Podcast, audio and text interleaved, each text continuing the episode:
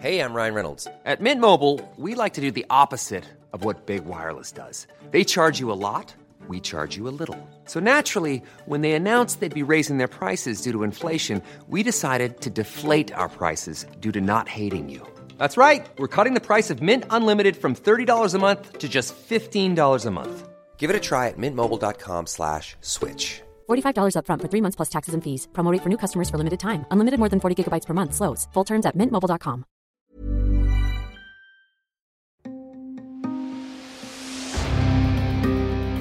med school today, but that shouldn't come as a surprise to you. What's this? Uh, it's my resume. No, you don't need it to work here, but it is nice to find out some of your dirty secrets. I'm going to give the people what they want sensation, horror, shock. Send them out in the streets to tell their friends how wonderful it is to be scared to death. Want to be a doctor? Surgeon. Follow me. Välkommen till Skräckfilmscirkeln avsnitt 74. Idag ska vi ta revenge på de jävlarna som har gjort oss illa genom att använda våra nya kontakter. Därefter ska vi spendera en ganska lång tid och använda våra nyvunna kunskaper för att göra dem ganska lagom illa innan det är dags för ett rejält endgame. Ja, idag så ska vi prata om temat Rape Revenge och filmen American Mary från 2012. Rape Revenge, alltså hämnd efter våldtäkt. Och jag ska redan nu nämna att det kan förekomma en hel del otrevliga beskrivningar och diskussioner. Så om du är känslig för sånt är det kanske läge att välja nästa avsnitt. Eller ja, vänta till dess då. Nåväl. Eh, men jag sitter ju inte ensam utan jag har med mig den förträfflige skräckfilmsvärlden Fredrik. Hur lever livet med dig? Jo, det är bra. Sitter här och pustar i värmen här för nu har ju sommaren kommit med besked. Jag tror termometern låg på närmare typ 29 grader i skuggan så oj oj oj. ja. Hur är det med dig då Patrik? Jo då, jag håller med om det där med värmen. För nu har jag haft en eh, ledig helg här precis lagom till eh, vi spelar in det här och var iväg och vandrade med några vänner och flickvän och så. Och eh, vi var ju ganska korkade. Jag menar det stod 24 grader på termometern. Och vi går ut i en lövskog och barrskog där det blir ganska varmt. Plus att det var lite, här var lite fuktigt eftersom det har regnat rätt ordentligt här några veckor sedan. Och mm, på min rygg just nu så har jag väl en sisådär 40-50 myggbett. Mm. På grund av att jag hade fel sorts kläder på mig ute i skogen. Så att eh, vi vart dels omkokta och dels så vart vi mördade av myggor där. Så det, man får väl eh, skylla sig själv liksom. Ja. Men men, i vanlig ordning då så tänkte jag vi kan prata om vad vi har sett sen sist. Har du något kul? Jag vet att vi har ju sett samma film båda två för vi har pratat lite om den i Messenger. Och vi har ju sett Army of the Dead utav Zack Snyder. Uh, han har ju blivit lite i ropet igen. Innan var det väl det här Zack Snyders Justice League eller The Snyder Cut. Den här fyra och en halv timme lång superhjältefilm som jag inte har mustrat upp orken till att se. Men inte långt därefter så kom ju den här Army of the Dead. Eh, grejen är Alltså, vi, Zack Snyder tycker inte jag är liksom den mest genialiska regissör som vi har. Jag tycker han är ganska tacky. Eh, det finns lite så eh, udda eh, könsroller. Det finns lite förkärlek för liksom så superauktoritära stater i hans. Det är väldigt dark and gritty ska det vara. Men jag tycker aldrig riktigt att han lyckas leverera dark and gritty. Utan det är mer liksom så en tonårings liksom. Åh, samhället är ondskefullt och vidrigt. Men han har ju ändå så gjort bland de bästa remakes som har gjorts som vi har avhandlat i zombieavsnittet, vilket då är remaken utav Dawn of the Dead 2004 där. Uh, och det, det, var väl hans stora genombrott. Eh, så det vart väl lite det här då. Nu gör han en ny zombiefilm. Och Dawn of the Dead var ju genuint bra. Så Army of the Dead då? Ja, det, det fanns ju mängder med frågor där. Är det en fortsättning? Vad hände sen? Är det sen berättat ur ett annat synvinkel? Zombieapokalypsen i Las Vegas? Men tack och lov så är den ju fristående. Och det, ja. Ja, vad ska man säga om Army of the Dead? Don't be rude. jo, jo då. Det kommer att bli lite rude här. alltså, så farligt var det. Alltså, det, är en, det, det, är en medioker film. Den är, den är underhållande för vad den var. Den är på tok alldeles för lång. Den är typ två och en halv timme. Eh, den kunde lätt gynnas av att man hade tagit bort en timme utav eh, speltiden. Uh, färglös, alltså färglösa karaktärer. För konceptet är ganska kul ändå. Las Vegas har blivit övertaget av de levande döda. Eh, och man har lyckats begränsa zombieutbrottet genom att bygga en jättemur under rekordkort tid då runt Las Vegas och för att liksom få bort zombiehotet en gång för alla så att, eh, då ska de kärnvapenbomba staden och faderuttan. Uh, och, men då finns det ju, i och med att det var så kaotiskt där på slutet, så kunde man ju inte tömma vad heter det, Las Vegas. Så det finns ju de här stora kasinorna och deras valv. Och där finns det ju hundratals, miljontals dollar som bara ligger där. Och jag menar efter att man har sprängt Las Vegas med, med kärnvapenmissilen. Ja, då, då finns det ju ingen som kommer veta ingen kommer ju veta att pengarna har försvunnit. För det är ju bara, kommer ju bara vara rykande krater utav Las Vegas. Och då ska man då göra en heist eh, med ett gäng team där då. Ta sig in i Las Vegas, eh, knäcka det här kassavalvet på något så supersäkert eh, och svårintaget kasinovalv och så ta sig därifrån. Så det är ju lite typ Oceans Eleven eh, möter Night of the Living Dead eller Dawn of the Dead. Då. Eh, och konceptet, ja det är inte helt fel. Men tyvärr så blir det lite mer, alltså det känns ungefär som Alltså Las Vegas, de gör inte ordentligt med Las Vegas-konceptet. För de kommer in efter att Las Vegas har fallit och det blir lite som en Mad Max eh, ödelagd stad. Så det känns mer som typ Mad Max fast med zombies. Dock så inleder den ganska starkt med när Las Vegas faller.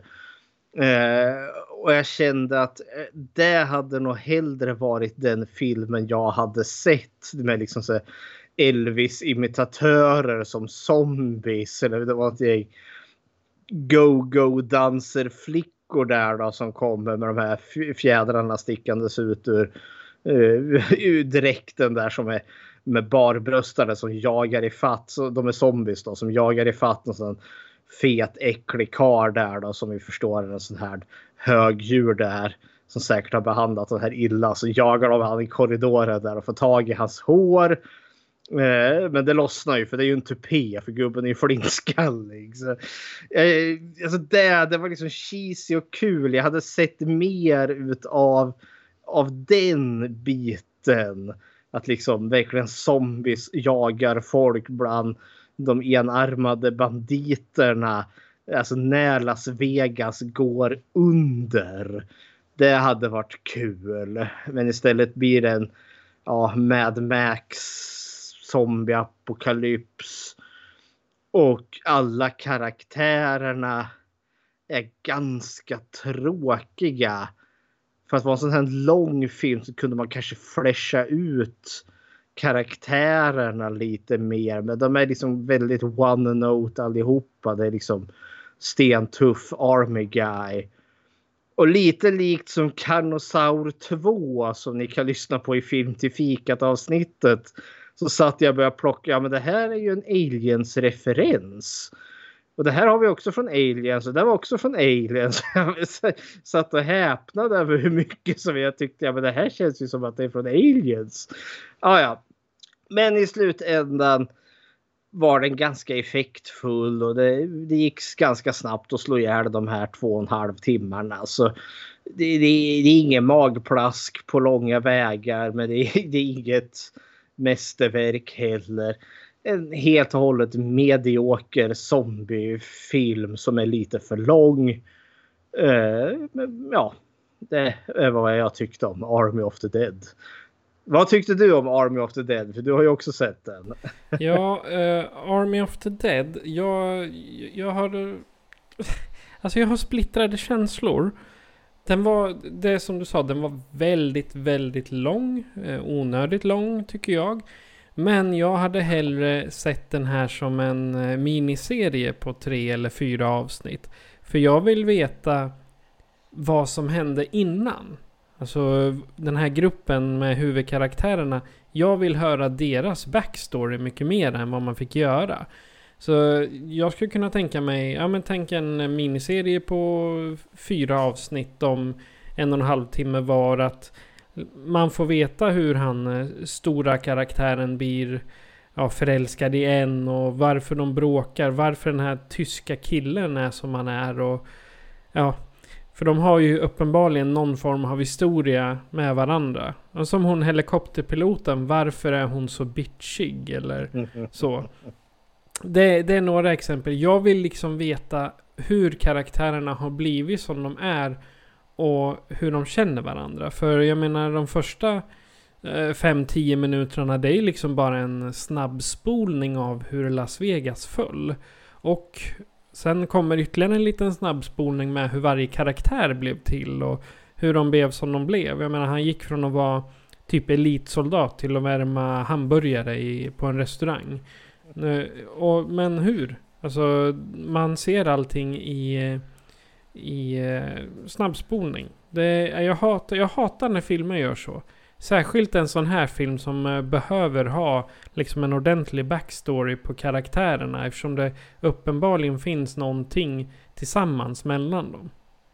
Det, det jag kan hålla med om det för huvudkaraktären där hans från den här superelitsoldaten sänd på det här jätteuppdraget. För de, han räddar ju någon ganska högt uppsatt general förstår vi i den här Flashback-scenerna. Och sen liksom hard cut därifrån till att man förstår att nej nu är han på dekis och står och vänder burgare på något hamburgerhak. Det, det förklarar inte. Antingen tänkte jag liksom att han fick, han fick nog. Han stod inte ut. Alltså han hade sett för mycket hemskt. Men det kändes inte riktigt så heller. För jag tänkte liksom, nej, det, det känns som att han hade blivit att militären gav han sparken. Men det kan jag inte heller förstå för han gjorde ju jättemycket. Han räddar ju generalen där. Men jag har ju hört, eller jag läste något på så Dread Central. Att det, det, finns planer på Netflix här då att dels göra en animerad prequel som då ska väl handla kanske då eh, om hur viruset kommer till, hur den här zombiekungen blir till och då kanske vi får lite mer backstory till de här karaktärerna. Inte för att det kommer hjälpa den här filmen för de är ganska träiga allihopa. Ja, nej, det kommer inte hjälpa för fem öre. Nej, och det, det som var så tråkigt var liksom att det finns så medvetna referenser till andra skräckfilmer. Som när zombiekungen kommer lös i början där. De här två överlevande soldaterna Eh, som zombiekungen tar där precis på slutet. Det är en jättehommage till just en amerikansk varulv i London när varulven attackerar dem för första gången.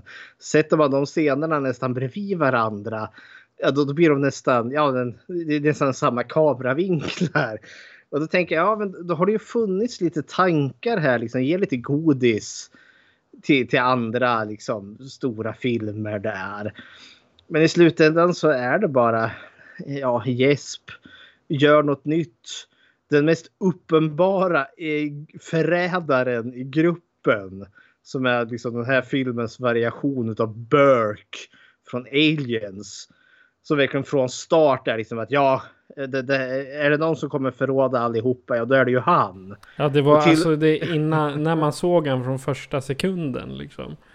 Ja, och till och med filmen till och med påtalar det och gruppen liksom bara liksom säger liksom. För den där uppenbarligen liksom lömska jäkeln, han, han eh, kan vi inte bara göra oss av med honom? Och de bara nej, han får vara kvar. Och jag tänkt, kan de inte göra någonting mer kul med det? Det visar sig att det inte alls han som är förrädaren. Eh, men nej, det gör vi inte. Utan själv så är han ju förrädaren och i klassisk Burke-anda så ska han lura iväg. Han ska ha zombiedrottningens huvud så de kan göra ett vapen av den, precis som Burke i Aliens. Eh, som ska smuggla in varelserna i Ripley och Newt där. Så de kan göra vapen av dem.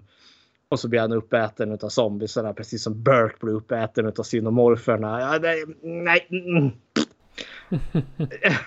Men samtidigt underhållande kul också. Men också ibland frustrerande dumt som Zombiekungen. Eh, jag hade inget problem med att vi hade alltså intelligenta zombies i den här. Eh, för vi har ju liksom zombies som kan tänka och planera. Till och med skjuta vapen. Eh, för att eh, det finns typ som alfa-zombies och sen typ beta-zombies. beta-zombies är ju den där som bara släpar sig fram och stönar.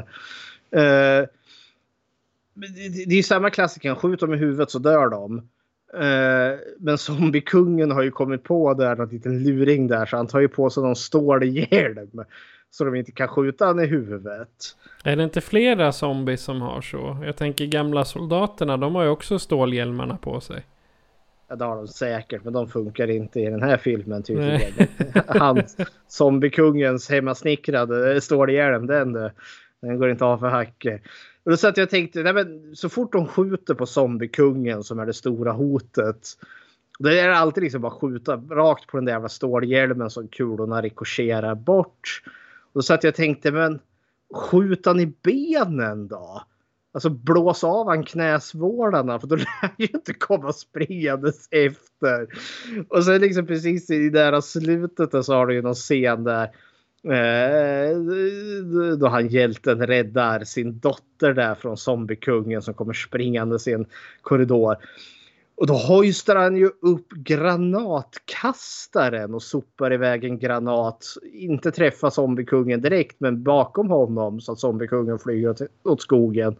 Och då satt jag och tänkte varför har ni inte använt den där innan mot alla zombiehorder som ni har det är liksom sådär, nej, han har en stålhjälm på sig. Ja, men ni har ett granatgevär. Spränga i tusen små bitar så har ni löst problemet. Men nej, det, det, går inte. Det är samma sak i alla zombiefilmer. liksom logiken som personerna har när de blir jagade och... Eller ja, zombiefilmerna. Det har du alla skräckfilmer. Logiken ja, finns liksom inte där. Och det är, det är inte meningen heller. Nej. Och visserligen, jag tror Army of the Dead, när man kollar liksom trailer och poster art. Det känns som att den är, det, det, ska vara lite medvetet dumt med den här filmen också. Så ja, ta den för vad det är. Dum underhållning och ingenting annat. Ja. Har du sett något mer intressant? Nej, det kan jag inte påstå att jag har gjort. Nej, alltså jag har inte kollat så jättemycket. Men däremot såg jag nu i, uh, igår kväll en uh, kort dokumentär som heter City of Ghosts på eh, Amazon Prime från 2017. Och den kommer från eh, en, eh, eller handlar om en handfull anonyma aktivister som gick ihop och började sprida information när IS tog över Raqqa 2014. Och då får man följa dem lite kort här. De berättar om hur de gjorde för att sprida eh, motinformation, hur de gjorde för att eh, få liksom motbevisa det IS egna eh, filmer som de liksom delade ut att ja men barnen har det så bra, alla får mat och sådär. För det var ju väldigt mycket de desinformation som spreds här. Och då, eh, de här aktivisterna, de fångas ju in en efter en av just IS för att Ja, de, de säger inte det kalifatet vill höra. Liksom. Det, det är typ så det funkar. Och jag tror att två eller tre utav dem man får följa blir mördade under inspelningen. Alltså inte på bild bokstavligt talat, men man, eh, de får samtal under inspelningen att ja, han har fallit nu. De har skjutit honom. Så var det. Och det är ju lite tragiskt förstås. Men det var ändå intressant att se hur de, hur de gjorde för att liksom sätta sig upp och hur mycket, hur mycket det här med tryckkonst och hur mycket det här lilla bara att sätta det här lilla tvivlet hur det kan påverka ett helt, ja, ett helt krig. En hel, hel invasion helt enkelt. Motståndet inifrån kalifatet. Det är ju skitspännande. Ja, fast det här var ju inte då folk som var i kalifatet. Utan det Jaha, här var, det var vanliga aktivister, vanliga personer som inte ville gå med i kalifatet. Ah. Utan de var mera så här att, ja men man kan se dem som en motståndsrörelse ungefär. Var liksom att det strider mot IS propagandamaskin. Exakt, och de här gjorde ju då motpropaganda. Jag menar, de visade... Ja, det här är IS nyhetsblad som de delar ut med jämna mellanrum. Och då visar de en bild på det. Ja, och det här är vårat nyhetsblad blad som vi delar ut. Och det var, såg exakt likadant ut, bara texten var anti-IS.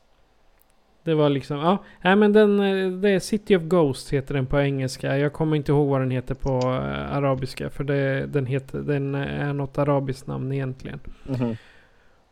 Så att den, eh, den rekommenderar jag kort. Men fantastiskt intressant och eh, en eh, tragisk dokumentation av nutiden. Liksom. Det som är så kusligt är med IS och kalifatet. Racka där. Så det är så nära så det, det har, har det ens gått fem år innan IS, sen IS föll. Har det? Nej, eller? Nej, det måste ha gått kortare än så. Ja, Det var bara ett par år. 2018 tror jag de föll. och IS är väl inte riktigt uträknade ännu. De slickar väl sina sår nu skulle jag tro. Men ja, kära värld. Usch, usch och fy. Ja, de, de säger ju att IS sista fäll... eh, IS sista kalifat, det föll... eh, Nu blir det, det blir nästan lite politik här.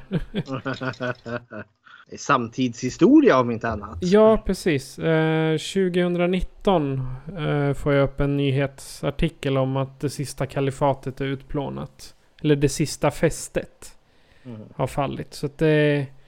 Men det, det är väldigt mycket... Ja, nej, det är, en, det är hemskt. Och hade vi pratat om sekter så hade vi faktiskt haft IS med bland sekterna. Mm.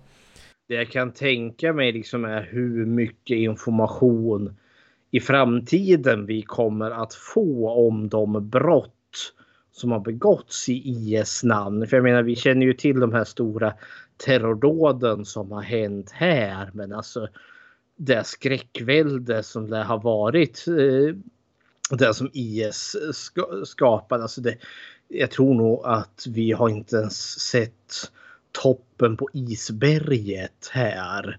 Jag Nej. misstänker att det finns förfärliga människoöden eh, i den här hemska berättelsen.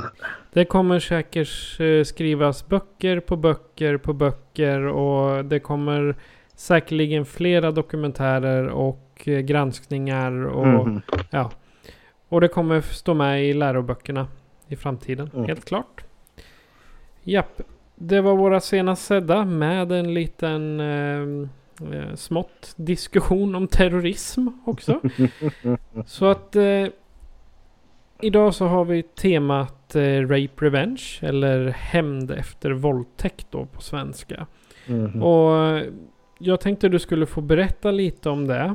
Men jag ska varna ännu en gång att ni som kanske är lite känsliga för eh, sexuellt våld eller våldtäkt eller så. Ni kanske ska hoppa fram eh, ungefär 45 minuter till eh, filmen. Mm. Så att eh, take it away. Ja, vi går från ett lättsamt ämne som IS och deras kalifat till våldtäkt och sexuellt våld här. Det här, det här är en mörk jävla episod. Nej men eh, det här, alltså rape revenge, våldtäkt och hämndgenren. Eller eh, hämnd efter våldtäkt. Är ju som en subkategori som kom att uppstå på, på 60-talet. Eller ja, 70 egentligen. Det är som brukar kallas lite för exploitation-vågen. Och exploitation, alltså det är ju det är ett ganska stort paraplybegrepp. Och det är inte som så att 60-talet det var då liksom, ah, där kan vi sätta ett eh, specifik startpunkt. Att där nu, där var det slis och exploitations start. För exploitation har väl liksom alltid funnits så länge film har funnits. Och när det inte fanns film då hade vi teater. Kom ihåg Granda Noir teaterna hette väl de. Vi pratade om dem i det här Gore och Splatter avsnittet. Där man spelar de här eh, teatrarna med mycket slafs och blod. Det, det var dåtidens sleaze och exploitation. Och innan så har vi väl haft böcker som liksom har varit mer lite smaklösa. Men alltså exploitation då, alltså det är ju... Ja, hur översätter man exploitation? You exploit something. Alltså man. Exploatering är ju det direkt ordet. Ja. Och grejen är väl också att det, i regel så är det någonting som utmanar rent filmmässigt. Eh, och det brukar finnas lite så här nyckelord kopplat till den här exploitation paraplyet som man kan få in så många filmer under. Det kan också vara utnyttjande. Alltså Ja. att du ut, ett utnyttjande. En utnyttjande film. Jag tänker lite så här eh, ord som gärna kopplas samman med exploitation och exploitation-filmer är ju då ord som sleaze. Eh, en sleazy film och då är det liksom Ja, tänk snusk. Det är snuskigt. Det är liksom det är antingen liksom bokstavligen snuskigt liksom att eh, personerna är eh, inte vet jag slemmiga och äckliga eller liksom att du har att göra med någon tunnhårig, flotthårig äckel som sitter och glor på pornografi. Liksom. Ah, det här känns lite sleazy. Men sen är det ju sex gärna kopplat till det här. Blod, naket, det bisarra, ödeläggelse och typ revolt. Eh, det var lite det som föll in under exploitation paraplyet.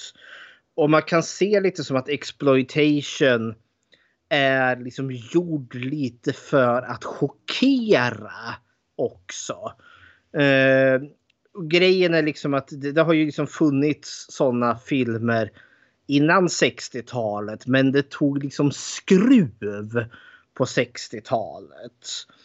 Eh, och på 60-talet så var det ju lite mer som dels hade det blivit enklare att göra film.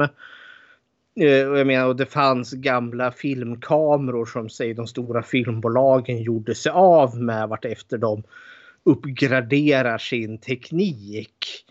Som då, ja, andra mindre bolag och privatpersoner kunde köpa in och sen då börja liksom göra sina egna filmer. Och det som säljer är ju sex och våld. Har du inte tillgång till liksom uh, anrika manusförfattare. Nej men uh, då tar vi liksom eh, uh, Tuttmassakern. Uh, liksom, ja okej. Okay. Promota det fram med några Eh, ja, no names skådespelare och så får kvinnorna bli nakna och männen får springa runt och visa häcken och sen fram med blod och så våld och död. Eh, och så filmar vi det och klipper ihop det och så skamlöst marknadsför vi det. Alltså det, det gick ju hem i stugorna. Eh, och det som blev, det var alltså det så gick de ju också de här typen av filmer emot censuren. Ni vet Hayes-koden. Dels började också Hayes-koden att bli lite mer uppluckrad här på 60-talet för liksom även de stora Hollywoodbolagen kände ju liksom sig lite hämmade i sin kreativitet. Plus också att man kunde börja spänna musklerna lite mer. För den som kommer ihåg det är väl vårt videovåldsavsnitt där vi nämner Hayes-koden. Så den var ju liksom i stort sett, det, det, fanns ju en The Legion of Decency som låter som The Legion of Doom. Eh, som som superskurks eh, anhang. Men det var ju The Legion of Decency var ju en katolskt eh, utskott från Vatikanen om vad som var sund och god moral som får visas på film. Och det är där Hayes-koden kommer in för att liksom det här får man visa och det här får man inte visa. Men 60-talet då börjar ju luckra upp det här. Och de här exploitation-filmerna går ju stick och stäv. Det är lite punk, det är lite revolution, det är lite FU. Det här gör vi våra filmer. och eh, ja, då tänker jag, då kan, alltså som sagt, det är ett stort paraply det här. Och det finns liksom subgenrer inom det här. Och då ska jag nämna några utav dem. Och, så, och sen kommer vi in då i Rape Revenge som är en av de här subgenrerna. Då brukar man tala om cautionary filmer eller movies. Och cautionary tale, alltså det är sedelärande berättelser. Eh, och de här hittar vi mer alltså innan 60-talet. Och det är liksom 30-40-tal. Och det, det, var ju liksom mer så här. Eh, berätta en varnande berättelse Alltså, som typ Reefer Madness är väl kanske en av de mest notoriskt kända från 38 som handlar om farorna av att röka marijuana eller ja, gräs där. Eh, och, filmen porträtterar ju liksom, oh, det är ett trevligt par där och sen hittar de lite Maja så börjar de puffa lite på det och så går det käpprätt ut för och i slutändan så är det liksom död och misär. Och liksom, det, det slutar med att alla dör. Och de här filmerna, de gick undan Hayes-koden för de var ju, eller det var ju snarare som att Hayes-koden ville ju ha de här, för det här var ju sedeläran, det var ju moral som lärde ut det här. Se vad som händer om man röker gräs här. Det slutar ju i död och förintelse. Och självklart det finns en film som heter Sex Madness från samma år. Det, handlar, det är exakt samma sak men du byter ut Mariana mot sex före äktenskapet. Och nej, nej, nej. Oj, då, då slutar det i död och förintelse. Eh, du har en film som heter Child Bride från 40, 43. Eh, som är en synnerligen upprörande film som just handlar om eh, ja, att man i amerikanska södern då tog sig eh, minderåriga flickor till sin eh, till sin fru, vilket då tydligen var en sedvänja. Och så handlar det om kampen mot det. Och då ska jag säga att det gör de fortfarande i vissa stater. Så är det tillåtet att gifta bort underåriga döttrar. Jag tänker så är det väl i hela världen överlag. Ja, att men att USA som säger sig vara världens bästa land fortfarande sysslar med saker som kan re resultera i ren och skär barnmisshandel. Det, tyvärr så är det det här med delstatslagarna som gör det. En mm. del delstater är barngift förbjudet men det finns också de som det är eh, helt godkänt i. Gudars skymning. Mm. Det finns en bra dokumentär på SVT. SVT Play. Oh. Så där. Ko- Mm. Kommer du ihåg vad den heter? Jag kan kolla upp vad den heter. Eh, fortsätt prata du så återkommer jag. Så live-searchar du här. En sån där som kanske också är notorisk, eller ja, som... Den heter Boys Beware. Den är lite senare från 1961. Och det är då en propagandafilm som då ska varna just unga män och pojkar från just homosexuella. Eh, för homosexuella är ju då liksom vandrande våldtäktsmän som sitter och vibrerar i buskarna och försöker liksom lura till sig unga pojkar för att liksom våldta dem. Eh, och grejen är det som är så groteskt med eh, den här Boys Beware är att den skulle funka jättebra som någon form av så här medel om du hade bytt ut ordet homosexuell mot pedofil. För det är verkligen liksom vuxna män där som jagar minderåriga pojkar. Och det, ja, nej, det, den är ruskigt komplicerad och otäck. Eh, men finns i sin helhet på Youtube, eller åtminstone fanns här. Men det är den här cautionary-filmerna, alltså var, vad heter det, varnande berättelser. Ja, Ja, har du hittat? ja och eh, den eh, dokumentären den heter på svenska Amerikas bortgifta barn. Mm. Och den eh, är ifrån... eh, Den producerades 2019. Oj, det är Så ju... att den är relativt ny. Och den, eh, då är det en, en reporter, Ellie Flynn heter hon. Hon har undersökt eh, det här, det märkliga kryphålet. För det finns ett kryphål där. Och det Mm. tillåter att eh, medborgare så unga som 12 år kan få gifta sig. Mm. Och hon får en inblick i den här världen. Och hon möter både barnbrudar, barnbrudarnas föräldrar och senatorer som till varje pris vill förändra lagstiftningen. Och oftast, som jag läser här, så beror eh, giftermålen på att männen ska undvika att bli anklagade för just våldtäkt. Så de har alltså gett sig på en minderårig och då... Nej men eh, vi, vi gifter er två så slipper du våldtäktsstraff. Gudars skymning. Ja. Ja, nej. Mm, Mycket ska man höra innan öronen ramlar av. Ja, men den är, den är Ja, faktiskt väldigt, väldigt intressant i, eh, ur ett samhällskritiskt perspektiv. Ja, det, det vill jag lova. Ja, men det var ju de tidiga lite ja, cautionary-filmerna här. Eh, då går vi in liksom mer på 60-talet när den här liksom kickar igång. Och då har vi ju MC-filmerna. Och den börjar lite mer städat liksom med den här The Wild One från 53 med Marlon Brandon. Men där har du ju väldigt mycket den här den rebelliska ungdomsrebellen som eh, går emot etablissemanget. Men eh, men den, den är ju väldigt slätstruken om man nu ska jämföra med det som kom sen.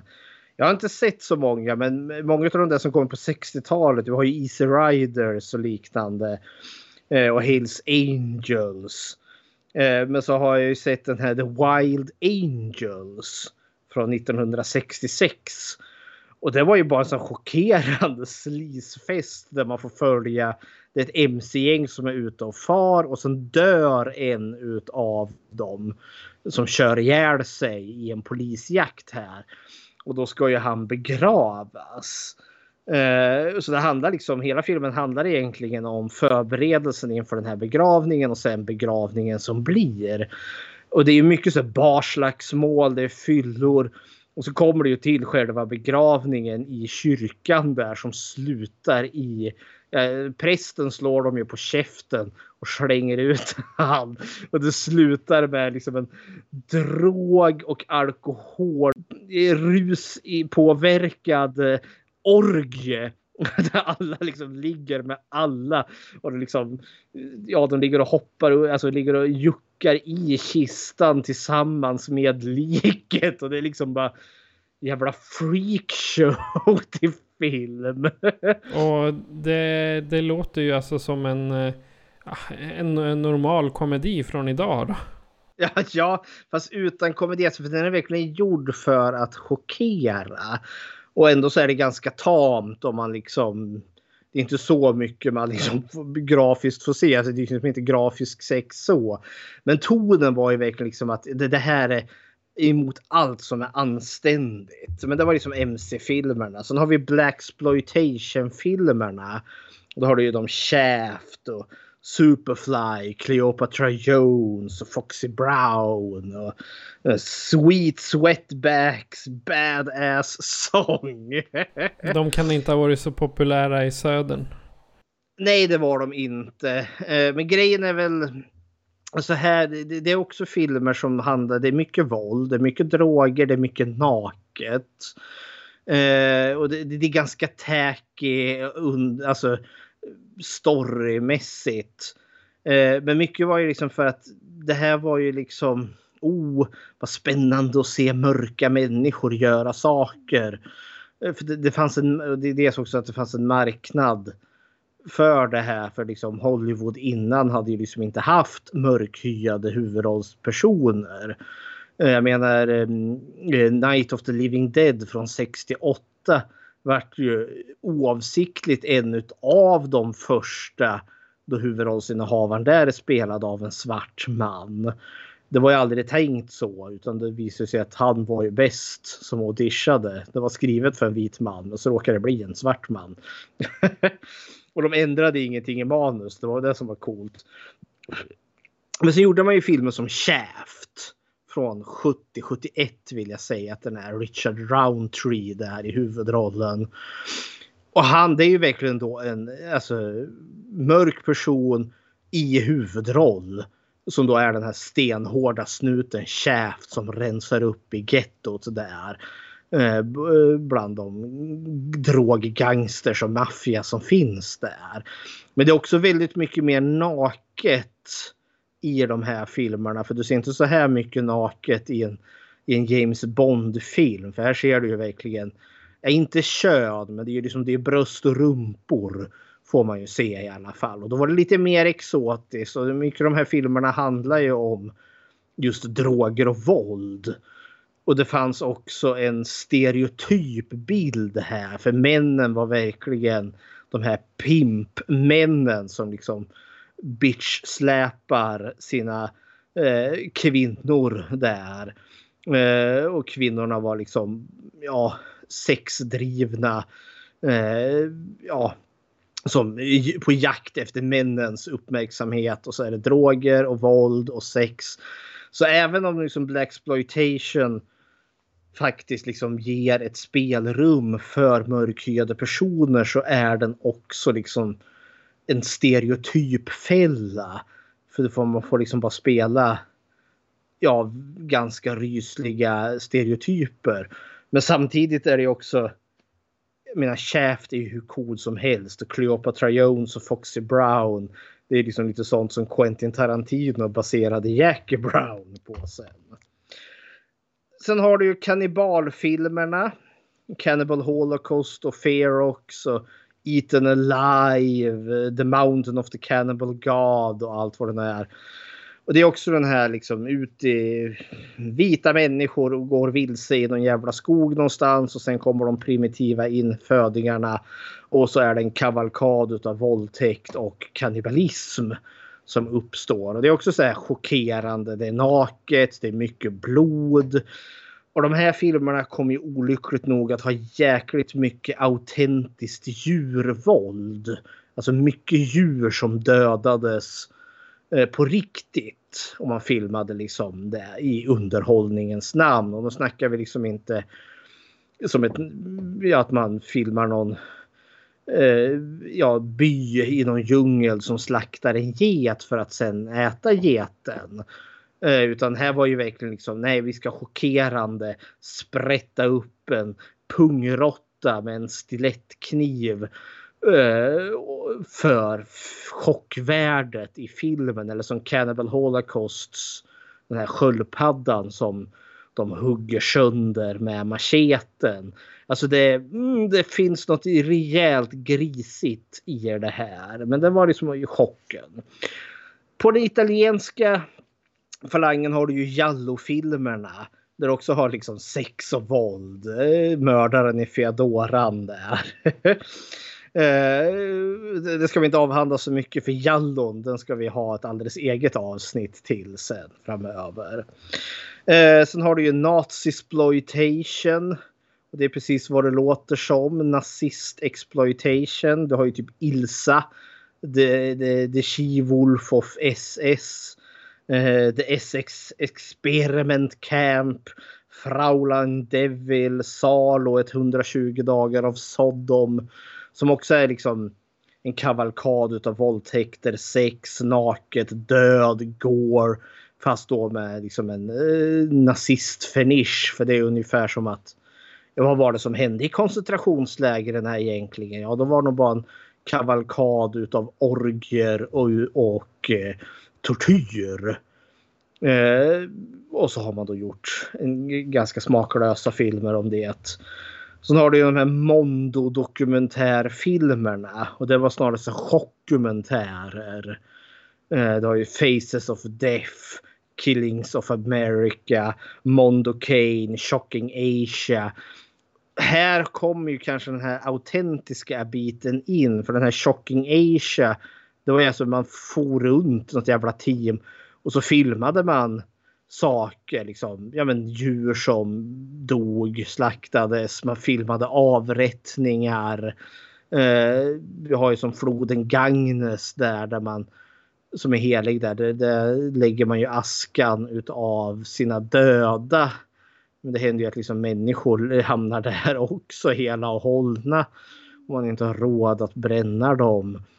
Så, så det var mycket sådär liksom filmandet utav autentisk död. Och det man ska komma ihåg att under liksom 70-talet och allt det här så det är ju en revoltera. Då, hippie-erans, alltså sexrevolutionen, hippien som gör uppror mot etablissemanget. Och så har du Vietnamkriget som startar där slutet 60-tal eh, och in på 70-talet. Där man visar väldigt autentiska, alltså man är verkligen där nyhetsteam är på plats och filmar krigsscener. Och man får ju se rysligheter. Alltså man dokumenterar, vi, vi får inte se sådana rysligheter idag. För det finns liksom ett, som i Irakkriget här 2000 efter, efter 11 september drog igång då fanns det en ganska hård apparat som förhindrade att just eh, material skulle komma allmänheten till del. Men så var det inte under Vietnamkriget utan man fick ju se bombräder, personer som blev skjutna när Saigon vad heter det, evakueras. Jag tror säkert flera har ju sett den här bilden med den här nakna flickan som springer efter att de har napalmbombat hennes, eh, hennes by. Det är en sån där ikonisk bild. Så den här exploitation-biten kommer ju liksom i den här eran då, liksom då samhället är liksom revolt mot etablissemanget. Eh, plus också att man får se en ganska grafisk verk, rå verklighet på film. Och lite i slutet av det här som man kanske, ja, slutet på 70-talet, då kommer den här så kallade Rape Revenge, våldtäkt, nej, våldtäkt efter hämnd, det vart fel, hämnd efter våldtäkt. Filmerna.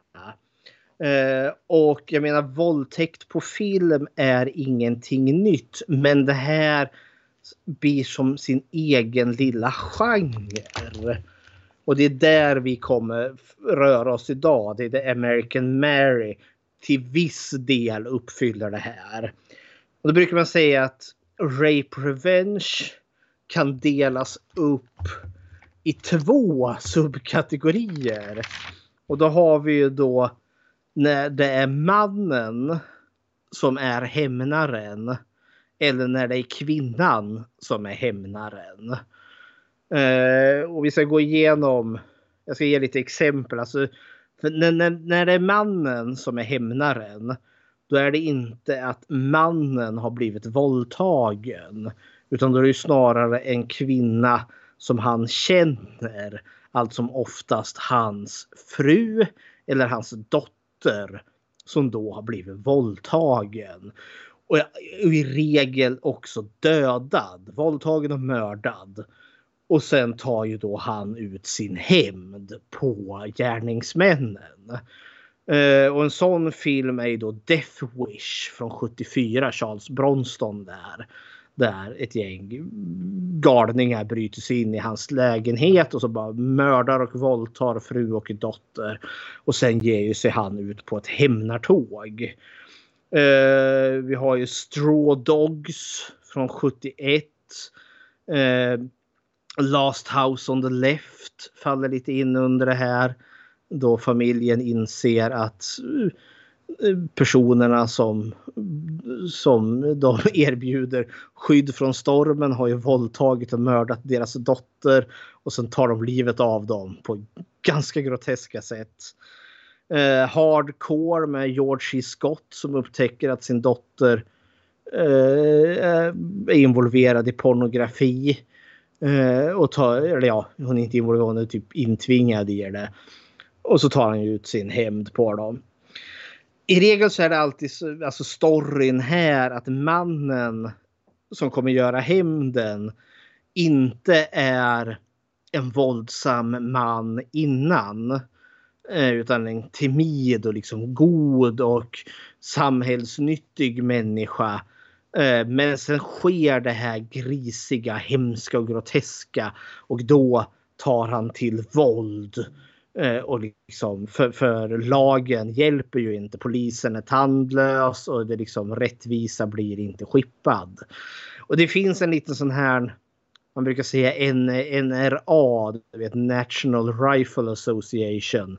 Att de har lite mer i det här. Det här är republikanernas drömvärld där alla, alltså de hårda män är beväpnade till tänderna så att de liksom kan beskydda sina kvinnor och döttrar och som fostrar sina söner att bli framtida Rambos för att ta sig an de här onda och vidriga männen som annars då skulle våldta och mörda deras fruar och döttrar. Eh, Ja, och det, allt som oftast är våldtäktsmännen, skurkarna i de här. Det är liksom det är slödder, det är patrask, det är hemlösa galningar som bor i tunnlar eller det är liksom hillbilly bondläppar. Eh, det, det är folk som bor i krackhus som eh, missbrukare, som eh, arbetar på porrbiografer, som är då droghandlare. Så det, det, det är slödder och slusk eh, i de här filmerna. Det vill säga folk från samhällets bottenskrap så att säga. Ja, och det, det, brukar inte helt vara ovanligt att det är folk utav annan etnicitet än vit som tenderar att vara ondingarna här. Det har till exempel Taken du vet från, vad heter han? Liam Neeson. Liam Neeson från 2008 där. Hans dotter blir ju kidnappad av ett gäng ja, skurkar med lite Mellanöstern på bråden och så ska de ju sälja henne på någon hemsk marknad där och det är någon fet och elak eh, oljeshejk där då, som ska ha henne som sin sexslav tills Liam Nilsson kommer där och bara skjuter ihjäl dem varenda en. Good luck. I will find you and I will kill you. Häpple häpp. Men eh, och visst, vi har ju också typ Deliverance, den sista färden. Den har ju vi pratat om. Och den är ju lite udda på det sättet att vi har ett gäng män som då faktiskt, alltså där våldtäkten inte sker på en annan kvinna utan den sker på en annan man. Men det, det, det är ju samma där också. Det är män från storstaden. Eh, våldtäktsmännen är de här liksom ja, bonlurkarna och sen tar de ut sin hämnd på dem. Fast där, där grumlar man ju vattnet mera i och med att det blir ju inte bra. Alltså gruppen vänder ju sig mot sig själv där också. Sak samma.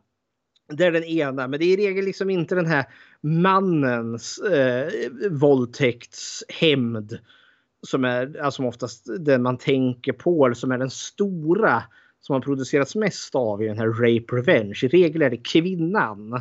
När kvinnan blir våldtagen och tar ut sin hämnd den är den som har stuckit ut mest och det är väl också kanske för att den biten har rönt mest uppmärksamhet. Alltså kvinnor som har blivit våldtagna på film, det har hänt förr. Men en som ber den här liksom stora alltså vattendelaren eller vad kan man kalla det, milstolpen, den som så tydligt sticker ut, det är ju den här filmen I spit on your grave från 78. Eller Day of the Woman heter den ju också. Där vi som verkligen sätter formulan. Och det vart ju en sån, sån snackis kring den här filmen. För den handlar ju just om en kvinna som flyttar ut till ja, en liten sommarstuga där hon ska skriva en bok. Varpå hon blir trakasserad av fyra lokal, ja, lokalförmågor där. Fyra män som håller på där. Och de är allmänt dryga och jävliga för de tycker att hon är, hon är en storstadskvinna. Vad har hon här att göra? Eh, och det börjar väl liksom som så allmänt liksom, ja men barnsligt, eh, barnsliga streck men sen blir det ju extremt. De bryter ju sig in och så våldtar de ju henne och våldtäkten är ju extremt utdragen och lång. Hon blir inte våldtagen en gång, hon blir våldtagen flera gånger. Och så blir hon ju förnedrad och sen i slutändan så kommer de här gubbarna på att nej, nej det här var inte bra, vi måste mörda henne. Eh, så hon lämnas ju för eh, att, för, för, att vara död. Men så är hon inte död. Och så kommer hon ju då tillbaka. Eh, hon återhämtar sig, samlar mod och sen söker hon upp de här männen och som, som i en slasher där då gör hon ju sig av med dem en efter en på liksom ganska groteska och chockerande sätt som känns som att det passar det våldet som hon själv utsatte sig för. Hon kastrerar ju en av de här männen. En annan kar tar hon livet av med hjälp av båtmotorn på, på båten där då. Och en får ju en yxa rakt i huvudet där då, så att eh, hjärnsubstansen flyger. Och grejen var att liksom, det, det vart som snackis. Oh, eh, den här upprörde så sådant. Och hjälp en kvinna som sätter sig upp emot män. Alltså det var dels fanns det faktiskt med den aspekten. Och det fanns liksom en ganska rejäl dubbelmoral i som den här liksom filmen. Ja, av de reaktioner som dök upp mot den här. Dels så ska man komma ihåg att den här filmen har en enormt låg budget. Eh, den är väldigt cynisk från start. Den är liksom, det finns ingen underhållning, alltså ingen sån komedi för att lätta upp den här utan den är liksom bara rå och cynisk och jävlig. Och liksom, du känner dig genuint lite smutsig efter att du har sett den här filmen. Eh, men den väcker också en massa frågor och folk reagerade. Eh, det finns en, en bok som jag håller på att läsa nu faktiskt. Utav Carol J. Clover. Som heter då Men, Women and Chainsaws. Män, kvinnor och motorsågar. Som just då kollar på könsrollerna främst ur ett kvinnligt perspektiv i just skräckfilmer.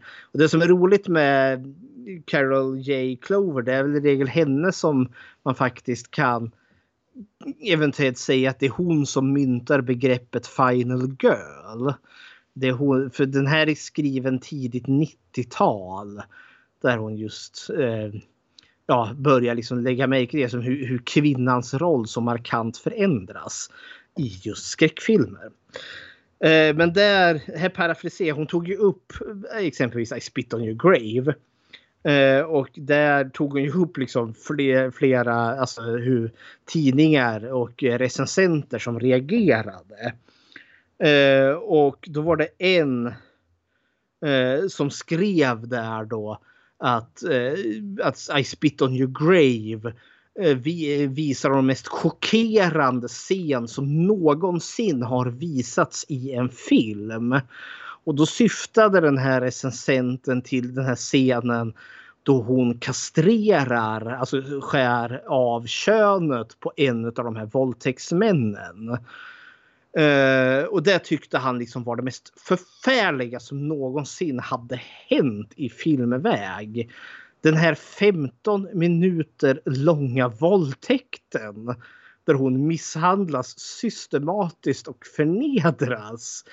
Det var inte chockerande, men kastreringen utav hennes eh, vad heter det, gärningsman. Det var det mest chockerande och det skvallrar ju lite om den skevhet som fanns. För, ska man, den här är gjord 78. Vi nämnde kannibalfilmerna lite i förbifarten där. Och det är en hel del kastreringar i dem också ska ni se då. Eh, då, då man bokstavligen får se en ganska, ja, stuntsnopp där då blir avskuren av en machete eller något sånt. Det får man inte ens i I spit on your grave. Där sker liksom kastreringen under vatten för de hade liksom inte budget. Man förstår liksom att hon knipsar till och så bubblar upp blod. Eh, så man får inte ens se bokstavligen när hon kastrerar eh, den här våldtäktsmannen.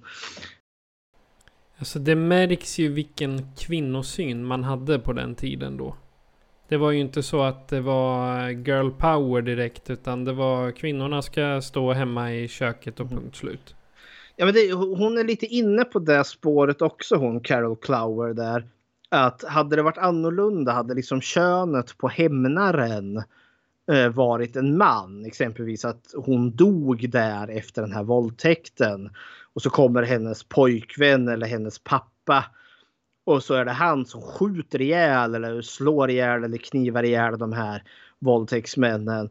Ja, då hade vi inte fått den här reaktionen. Nu är det hon som vänder på steken och tar hand om sina egna gärningsmän där och hämnas ihjäl dem helt eh, skoningslöst. Alltså de kan ligga där och kvida så bäst de vill men hon, hon visar dem ungefär samma eh, hänsyn som de visade henne. Det är bara det att hon faktiskt lyckas ta livet av dem allihopa. Och den slutar liksom bara abrupt efter att hon har dödat den sista mannen där. Så vi får liksom inte ens ett efterspel. Utan det är liksom bara nu är de döda. Bra. Slut. Men det gjorde lite alltså det som blir den här typen utav filmgenre Alltså dess treaktstruktur. Den är då liksom akt 1 är då våldtäkten och förnedringen. Det är liksom det som kommer ske i liksom den första delen utav filmen. Den andra delen utav filmen kommer handla liksom om överlevnad och återhämtning. När hon kvinnan som har blivit utsatt för det här övergreppet och lämnad för, för att vara död återhämtar sig. Vi får se liksom hur hon stabiliserar sig och så börjar hon planera till den tredje biten då som då är hämnden. Och den är grisig, rå och hård. Det finns ingen pardon i de här filmerna. Eh, och eh, det finns ju några sådana här filmer. Jag har ett axplock här. I Spit On Your Grave brukar ju räknas som startskottet även om det finns filmer som berör det här innan den så är ändå så liksom Ja precis som det finns slasherfilmer innan halloween. Men så brukar ändå så halloween räknas som någon form av milstolpe. Så är I Spit On Your Grave någon form av milstolpe för de här våldtäkt och hämndfilmerna. Och då har du ju typ eh, Miss 45 Alltså det är pistolen då, 45 Magnum från 81. Eh, vi har Base Moi från 2000, den här franska. Eh, du har Mother's Day från 80. Eh, vi har ju den här ja, svenska, eh, Män som hatar kvinnor, eh, där från 2009. Eh, även om inte hela filmen handlar om det, men hon, vad heter den karaktären? Lisbeth Salander. Lisbeth hon blir utsatt. Det är väl hennes handledare på socialen där. Hennes som... gode man. Så är det. Och han våldtar ju henne. Och ja, hon hämnas... han, är, han är ju inte den första. Nej, men förvis. Men hon hämnas ju... I, spoiler. Men hon hämnas ju ganska bra på de här männen. De åker på att står det härliga till. Man njuter när hon får igenom de scenerna ska jag säga. Så, Sen har du ju den här franska, eh, vad heter han? Gaspar Noir tror jag han heter. Irreversible från 2002. Som är nog en av de mest chockerande våldtäkter som man har fått sett i, i film. För den, den är så jäkla autentisk och den är så jäkla lång. Den är liksom 15 minuter lång. Där liksom hon blir överfallen i den här tunneln utav den här hemska mannen. Så och liksom, den är filmad i en enda tagning så det är en skådespelarprestation så det står härliga till. Men oh vad, vad jag kände liksom att jag behövde en dusch efter att jag hade sett den filmen. Men det, det, det, det har det en av de större. Och den är hyllad eh, filmmässigt. Eh, Kill Bill faller ju lite in under här. Du har ju han eh, My name is back and I like to fuck. Där vi förstår att hon, eh, hon har ju legat där i koma. Och så har de ju sålt ut henne. Och så hämnas hon skiten på dem. Sen så strälar jag till. Ja. Eh, Vi har ju också den svenska filmen Thriller, en grym film från 73. Som brukar också sägas vara en inspiration till just Kill Bill utav Quentin Tarantino. Så ska man tänka så så är ju Thriller en grym film från 73. Eh, före I Spit On Your Grave som kom 78. För den handlar ju bokstavligen om en ung kvinna som blir kidnappad utav någon sex trafficking härva eller ja bordell är det väl där då. Och så eh, förnedrar de henne, våldtar de henne, tvingar henne i prostitution. Men sen river hon fram geväret där. Och sen går hon ju på de här otäcka männen som står härliga till och så eh, ligger de där i blodiga högar sen. och absolut senast, eller ja inte. eh, Vi har ju den här Revenge från 2017. Som är verkligen en klassisk rape revenge med lite mer budget. finns ju en, en hel serie som heter Revenge också. Ja, det finns många filmer med just det namnet. Eh, Men så har du ju den som var kanske runt lite uppmärksamhet här. Det är den här Promising Young Woman från ja, 2020. Eh, som spinner lite på det här konceptet där hon huvudrollsinnehaverskan hon, hon sätter ju upp fällor. Hon fejkar att hon är berusad på, på krogar. Och så kommer, väntar hon ju tills att det kommer en man där som tänker liksom mm, mums, mums, mums. Nu ska jag eh, testa på att kladda lite här. Eh, och sen ställer hon ju dem till svars där då liksom. Skammar de här otäcka männen. Eh, och den har ju fått väldigt bra eh, kritik. Men det är väl lite vad eh, alltså jag har om Rape Revenge. Eller jo, det finns ju ytterligare en svensk koppling. Och det är ju den här Jungfrukällan utav Ingvar Bergman. Från 59. Som verkligen är då inspirationen till Last House on the Left. För där handlar det också verkligen om det här. Eh, en kvinna som blir våldtagen och mördad av ett gäng sliskiga män. Och sen eh, får ju hennes mamma och pappa reda på det. Och så hämnas de ihjäl de här männen. Så ja, häpple häpp. Och det var tydligen Jungfrukällan är tydligen en bok skriven av Ulla Isaksson där. Men då för att sammanfatta lite alltihopa. Liksom, Rape Revenge är då liksom en subgenre till det som man brukar kunna knöla in i då exploitation eran som då eller exploitation paraplyet. Och hade liksom sin rise to power eh, på 70-talet där. Framförallt med I spit on your grave. Eh, det finns två skillnader då där det är män som utför eh, hämnden men då är det inte i regel de som har blivit våldtagna utan de som de känner som blivit våldtagna. Men den större, den andra subgenren där är ju då när kvinnor själva har blivit våldtagna och så tar de hand om sina våldtäktsmän själv. Och det är den som har kanske mött mest uppmärksamhet och mest debatt och kritiskt motstånd. Så det är då Rape Revenge Exploitation Sleaze. I korta drag. Ja, och, och med korta drag så menar vi ganska exakt 45 minuters förklaring. Oj. Och det, det är lite så här. Ja, det är ett riktigt hemskt ämne måste jag säga. Men jag kan tänka mig att det här är lite en föregångare till typ metoo. Alltså mm. det här är ju eh, metoo extreme. Alltså mm. om du har blivit eh, trakasserad eller eh, våldtagen eller liknande. Ja men eh, då så. Istället för att eh, gå fram och säga att den där personen eh, gjorde så mot mig. Ja men då går du steget längre och hugger huvudet av man liksom. Så. Men det är ju, det, det är ju hämndfantasin. Jag tycker vem som inte har blivit retad eller mobbad eh, borde ju kunna känna igen sig även om man kanske inte, alltså våldtäktsbiten finns med här. Men alltså just att ta hämnd på sina plågoandar.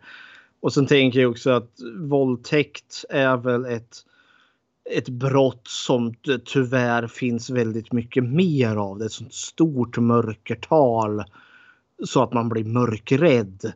Jag hörde någon siffra i, i förbislängd att man tror liksom att det är väl ungefär nio... Ja, jag skulle inte ta gift på det här men säg att det är ungefär 6 000, mellan 6 och 9 000 våldtäkter per år i Sverige. Men det är ju sådana som kanske då blir anmälda eller på ett eller annat sätt uppmärksammas. Men så tror jag liksom att den siffra jag hörde slängas ut att man tror mörkertalet mer ligger på typ 36 000 per år. Och det är ju liksom siffror som gör mig mörkrädd.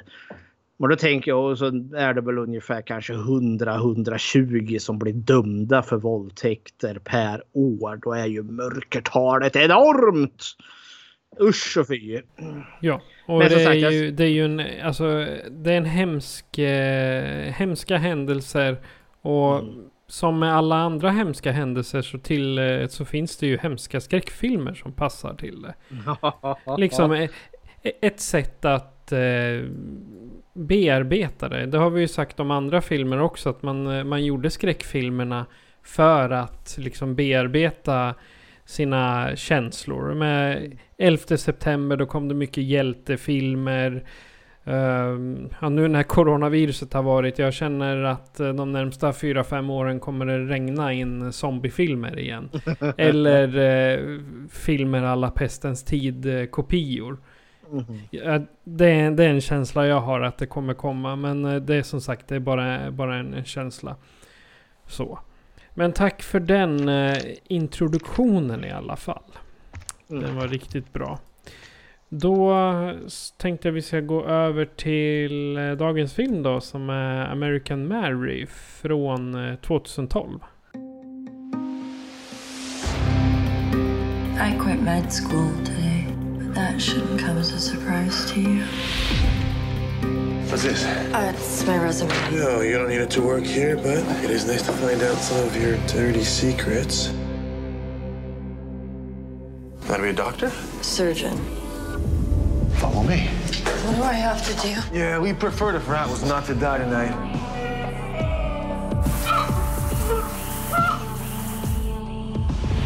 You can put the bed down, Dr. Mason. I'm just a desperate woman looking for help. What exactly does she want me to do?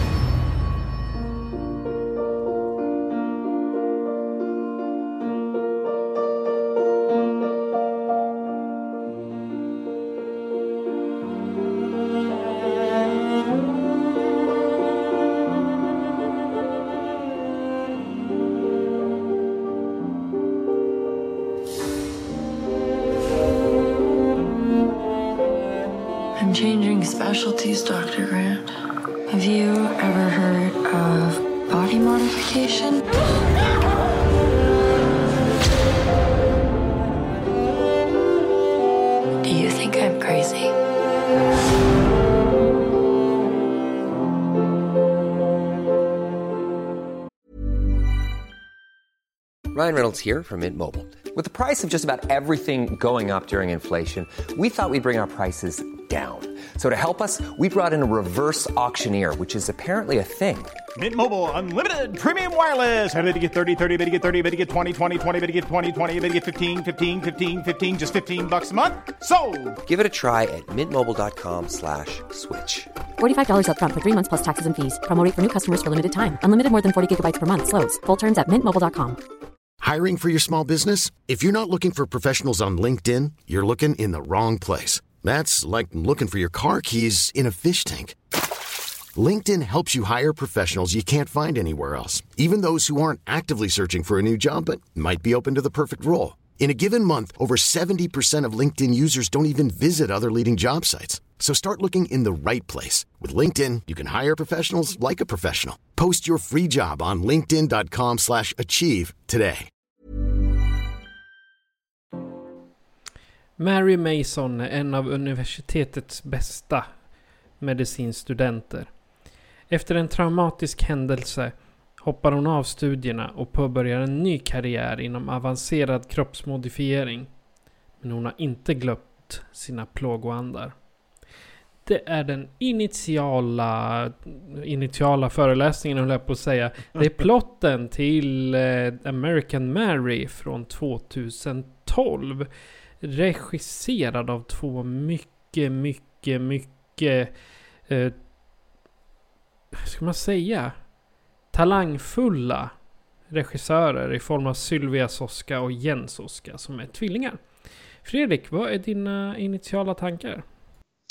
Ja du, den här filmen såg jag, ja det blir väl fem sex år sedan här nu. Eh, och jag kommer ihåg när vi skulle ha alltså temat Rape Revenge på just cirkeln, alltså studiecirkeln på ABF. Så valde jag liksom strategiskt den här. För att den handlar om ganska mycket mer än eh, just alltså rape revenge biten. Och att den kanske just behandlade just själva våldtäkten i sig. Eh, mer smakfullt och då gör jag det inom kraftiga situationstecken. Eh, eh för det är inte smakfullt alls men eh, Eh, den är mindre grafisk än, eh, än andra i den här genren. Men jag gillar verkligen American Mary. Eh, för den udda filmen, alltså det, det, är en rape revenge helt klart. Men den är lite mer än bara det. Och just att den rör sig i den här body modification scenen. Alltså det, det är inte många filmer som jag ens kan dra mig till minnes eh, jag kan inte komma på någon och jag får anstränga mig lite så hittar jag säkert någon. Men också som gör det med ett ganska positiv blick på just body modification. Inte gör det till en freakshow samtidigt som det är lite av en freakshow. Så jag kommer ihåg att jag varit lite blown away när jag såg American Mary första gången. För det kändes liksom som att dels är den bekant i att den finns i den här liksom genren Rape Revenge. Jag känner igen konceptet. Men samtidigt är det någonting nytt över den hela. Och det är på gott och på ont. Men i slutändan så är det här, ja mina initiala tankar är väldigt positiva till den här filmen. Så ja, det är mina initiala tankar till American Mary. Alltså, jag, jag tycker American Mary det är lite av en... Så, den, den, här hämnden som finns. Och det, att hitta sin nisch på hämnd här. Och man kan, man kan också tycka att, att man avfärdar det här som en liksom... Ja, den hack and slash film. Men eh, jag måste, men jag, jag, måste erkänna att jag tyckte om filmen för de här konstiga elementen. Alltså det här som jag kallar för uppfackat. Mm. Och jag menar, man kan göra antagonisterna lätta att hata och man kan också tycka att huvudpersonen har en lite, lite tvivelaktig livsstil. Men fortfarande så är hon den här sympatiska och det förmedlar bara Katarina Isabella, alltså skådespelaren, huvudrollsinnehavaren. För jag tycker hon är smart, rolig och liksom gör ett bra jobb med att visa upp den här historien. Men just eh, den här American Mary, det var länge sedan jag såg den nu och Alltså jag, hur hemskt det än är det som händer så kan jag inte sluta, så att, sluta att underhållas av det. Och sen är det... Dels så tycker jag man har lyckats få ihop det här med Rape Revention och eh, det här body horror som det blir. När, det är egentligen ingen horror. Folk vill ju bara få vara de de är. Men att man får ihop dem. Det blir liksom mer. För mig gör det att det blir mer lätthanterligt. Alltså jag, hade det här enbart varit en hämnd på våldtäktsmän. Så hade det här varit så mycket mörkare. För nu så är det liksom. Den kombinerar drama. Den här lilla mörka komedin med hennes one-liners. Och går då. Och jag, det blir intressant för mig. Så att det är liksom det är ett tvivelaktigt budskap. Och ett konstigt sätt som man eh, kanske inte har tänkt på här. Men det är uppfinningsrikt och konstigt så och jag njöt, njöt av hela filmen från första början till slut. Uh, ska vi köra lite som, som vanligt då? För jag tycker den här filmen har vi verkligen tre, tre saker. Uh, Mhm. Karaktär, plats och hot. Mhm. Så att, uh, har du någon, uh, någon tanke om vi börjar med Mary? Eller Katarina Isabel som hon heter. Eller Catherine Isabel. Vad är det- dina tankar om henne? Det känns väl passande för det är ju verkligen det är hon som är American Mary. Exakt. Eh, det är en... Dels shout-out till skådespelerskan här då. Eh, för hon, hon, hon är fantastisk i den här rollen. Som lyckas göra den här... För, för, för Mary är ju den här medicinstudenten som har fått... Eh, hon har det ekonomiskt trassligt förstår vi i början av filmen här. Och eh, kommer väl drista sig till att kanske börja strippa. Men eh, hamnar ju av en slump in i eh, alltså body modification scenen. Den illegala kirurgmarknaden och där fanns det pengar att tjäna. Uh, det jag gillar i hennes resa för det hon, när vi får möta henne första gången uh, och tills och med att filmen är slut. Uh, så, hon är och förblir en stark karaktär. Även om liksom hennes, alltså vi, vi, vi spoilar allt i filmerna här. När vi går igenom dem. Eh, så att vi ska kunna prata om dem i sin helhet. Vill ni inte ha den här spoilad så sluta lyssna nu. och se filmen först. För den här är väl värd att se.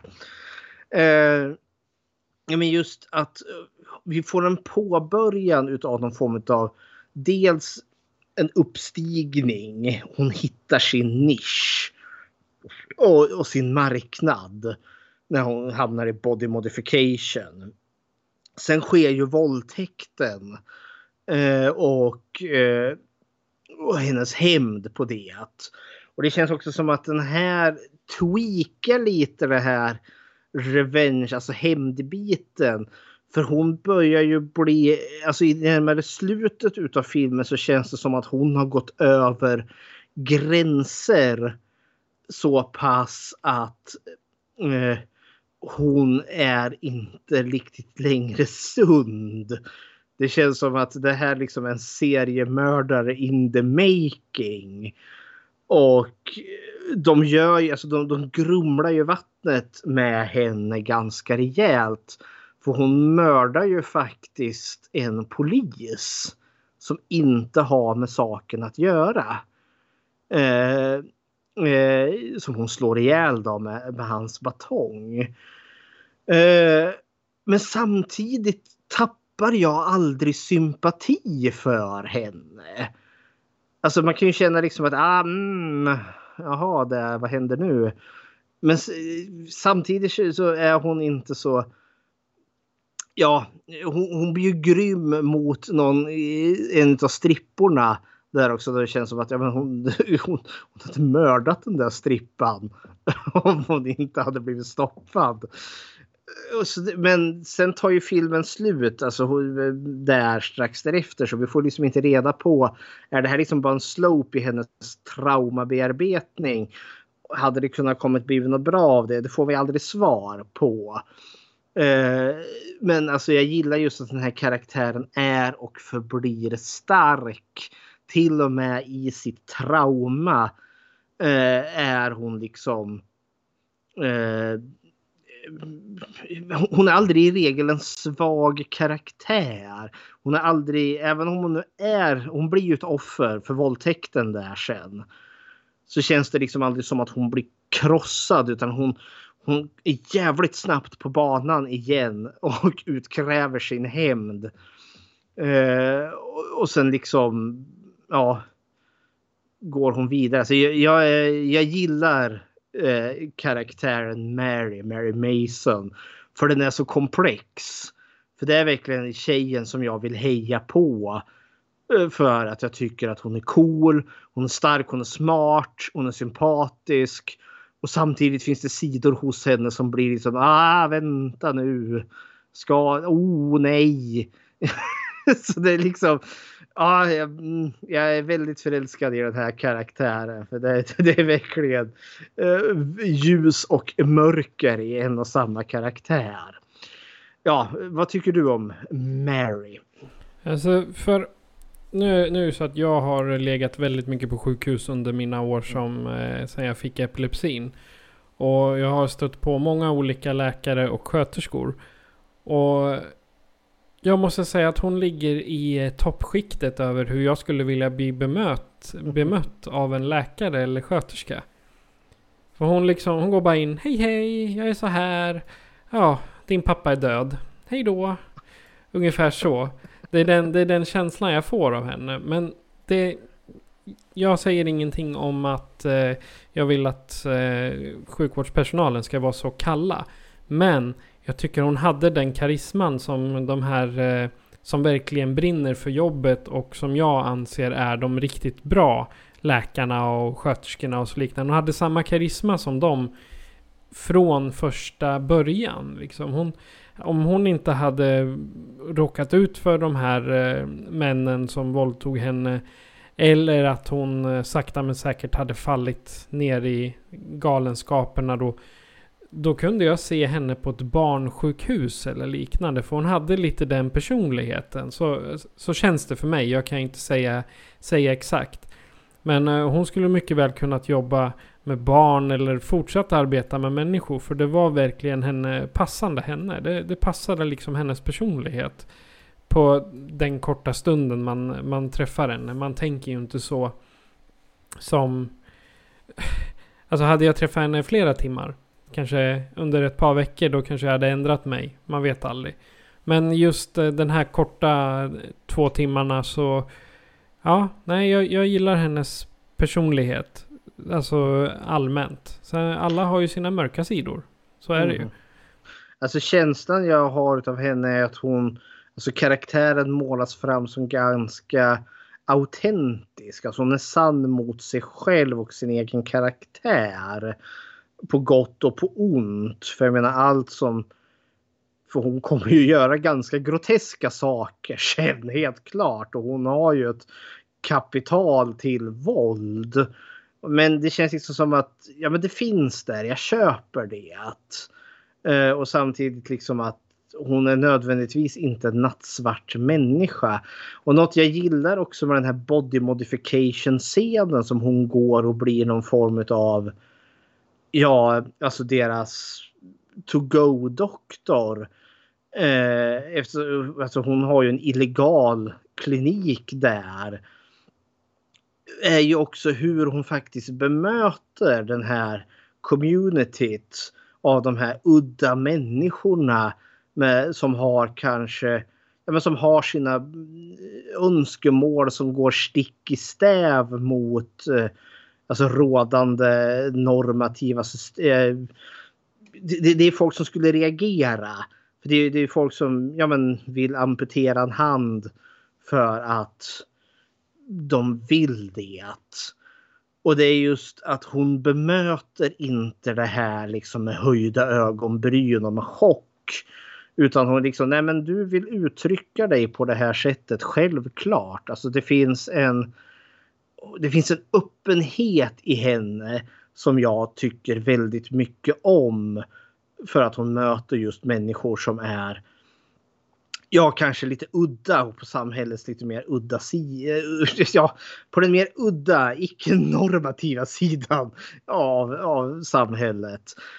Och så tänker jag i, i kontrast till de här doktorerna, våldtäktsmännen, så är ju hon autentisk. De lever ju något jävla falskt liv. Det gör ju inte hon. Även om hon måste hålla det hemligt eftersom att det är en illegal verksamhet hon har. Nej, men jag, som tidigare sagt, eh, Mary, huvudkaraktären, alltså jag, det är en enormt intressant karaktär som jag vill veta mer om. Jag vill se American Mary 2 eh, och 3 och 4. Jag vill ha en tv-serie utav henne. ja, hej hopp. Ja, alltså jag tittade lite på hennes, eh, eh, vad heter det? Hennes lista över filmer som hon har gjort och hon har gjort väldigt mycket skräck faktiskt. Mm -hmm. Eh, dels American Mary då som vi sa och sen eh, Hannibal, tv-serien bland annat. Och ehm, vad var det mer jag såg? 30 Days of Night. Eh, du vet den här vampyrfilmen uppe vid... Ah. Eh, hon är en av skådespelarna där. Och det är Alaska där. Ja, precis. Det är mörkt i 30 dagar. Hon är väl med i Ginger Snaps också. Ja, exakt. Och Stargate SG-1 2006. det, borde, det är alltid intressant att se vad deras eh, första film var. Och hennes absolut första film hette Cousins. Men då hette hon Katie Murray. Så så är det. Ja, nästa karaktär är ju Antonio Cupo. Eller Billy Barker. Och det är ju eh, barägaren där. Mm. Vad tycker du om honom? Strippklubben där. Ja, ja, alltså. Han var en märklig karaktär för mig. För, han inte, för det är ju när hon behöver pengarna där och liksom kollar upp strippklubben Bourbon and Go-Go som den heter. Eh, och kommer ner till honom. Eh, och han ska ha sin audition. Alltså, i, första gången jag såg den här så kände jag att mm, det här kommer vara en sleazy och otäck karaktär. Och han är en otäck karaktär men inte mot Mary. Eh, för han blir ju något formigt. Han blir ju förälskad i henne. Som jag upplever. Sen vet jag inte om hon är så förälskad i honom. Eh, men han förstår vi ju får något form av... Ja, men han, han blir betagen i, i Mary. Dels också för att... Ja. Eh, hon är en udda fågel i den här slisiga världen som han rör sig i. Hon kommer dit som en för att strippa på hans klubb. Men i slutändan visar det sig att han har ju mer nytta av hennes kunskaper som kirurg. Uh, och jag satt och funderade över den här Billy, Billy Barker karaktären. Som känns som, alltså han är en strippklubbsägare men vi förstår ju att han är ju också eh, organiserat kriminell. För de mördar ju folk och gör sig av. Hans stora gon, den här långhåriga mannen med solglasögonen. Alltså det, de fixar ju bort lik. Och mot betalning så hjälper de ju henne att kidnappa våldtäktsmännen där. Så det känns liksom oj. det här känns som att det är, det är ingen vilken strippklubb som helst det här. Utan han är ganska djupt involverad i organiserad kriminalitet. Och kan mörda och gömma kroppar. Så ja, häpplig häpp. Men samtidigt trivsam karaktär. Men och samtidigt också lite, alltså ja, den här kärleksbiten är ju, jag ställer ju mig frågan, är den, eh, är det bara han som är förälskad eller har Mary någonting där också? För han, ja, jag är, jag är lite kluven till nödvändigheten utav karaktären Billy och vad han faktiskt tillför. Visserligen så är det ju han som får in henne på eh, alltså i, i den här body modification underground eh, kliniken. Men samtidigt så finns det så mycket mer färgstarka karaktärer som jag hade sett mer av. Som vi kommer till här framöver. Men ja, lite kluven på honom. Eh, vad, vad tyckte du om karaktären Billy? Så Billy eller Antonio Cupo som han heter i verkligheten. Han är... Eh, han skulle jag säga är som en hallick. Alltså i, eh, i den bemärkelsen att han... Han säger bara ah, men jag vill se dina smutsiga hemligheter och förmodligen så hade inte hon eh, haft eh, Eh, den här eh, halvdöende mannen nere i källaren och tacka så hade han säkert förgripit sig på henne. Precis som man gör med strippan i slutet. Han ska liksom ha en audition, det vill säga han ska ligga med henne för att testa om hon är tillräckligt bra. Liksom, det är så det brukar fungera. Ja, brukar fungera. I alla fall på film. Så, för så det var, hon var ju inte den första han hade audition med inom citationstecken. Men han är... Eh, det är ju lite av misstag också som eh, han får in henne på body modification scenen eftersom det är ju någon som bara snickesnokar på hennes CV. Och sen fortsätter väl han på det där och jag kan väl tänka mig att i längden kom, hade det väl kunnat bli en ekonomisk grej mellan de två att fortsätta de där brotten. Och jag kan tänka mig att eh, hade hon gett fasen i att mörda de där, då hade hon kunnat bli ganska framgångsrik och tjänat ganska gott om stålar på det där. Utan att ha polisen hängande i haserna eller liknande. Så att eh, han är en bikaraktär som, eh, som jag tycker behövs. Han är lite som en hubb. För det är ju till honom hon går när hon behöver pengar eller behöver hjälp. Hon går och pratar med hans goon när hon eh, behöver hjälp med att casha in pengar eller om... Uh, det var när han, hon fick ju mat och bad om, om hjälp där. Jag har precis tappat bort mig nu vad det var han, hon skulle ha hjälp med. Men, ja, men hon, hon, tar, hon tar hjälp av honom och hans gon. För att dels kidnappa våldtäktsmännen där. Men sen också... Uh, uh, vad heter det? När hon träffar tvillingarna där så behöver hon ju en lokal. Och då ställer ju han upp med VIP-avdelningen på hans strippklubb där. Han kan ju erbjuda lite så här kirurgutrustning och allt vad det nu är. Så det är sådana saker. Ja. Och eh, då kommer vi till Beatrice då. Den, eh, eller Tristan Risk som hon heter egentligen då. Mm -hmm. Det är ju hennes första det är ju inte hennes första patient, men den första förmedlaren av patienter. Mm -hmm. eh, vad tycker du om henne? Hon är en... Det här är ju en färgstark och häftig karaktär tycker jag. Beatrice Johnson som dyker upp med sin jättepipiga och en jättehög eh, röst. Och vi förstår att hon är ju plastikopererad eh, enormt. Eh, eftersom att hon vill se ut som den här karaktären Betty Boop. Eh, och eh, Det förstår jag att den här människan är rik som ett troll. Tolkar jag det som. Eh, för pengar är ju inga problem för henne. Eh, och hon behöver ju, vad är det, hon, det är ju hon som har läst CV där. För vad var det, Mary tog ju med sitt CV till han Billy. När, de skulle söka strippjobbet och han blir lite konfunderad. Vadå CV? Vad är det för något? han behöver bara se tuttarna om de är bra eller inte ungefär. Eh, och eh, där förstår ju hon att han eh, kan hon läsa till att han är kirurg och sen går väl det här ryktet för det är ju den här audition. Vi ska väl backa bandet lite här. Eh, den här audition som hon har med Billy avbryts ju eh, Eh, eftersom att han har någon kollega som har blivit uppskuren. Och han vet ju eftersom att han har läst hennes CV att hon eh, håller på att studera till kirurg. Och så erbjuder han ju henne en hisklig massa pengar bara att sy ihop den här mannen. Och det gör hon ju. Eh, så slipper hon strippa för honom.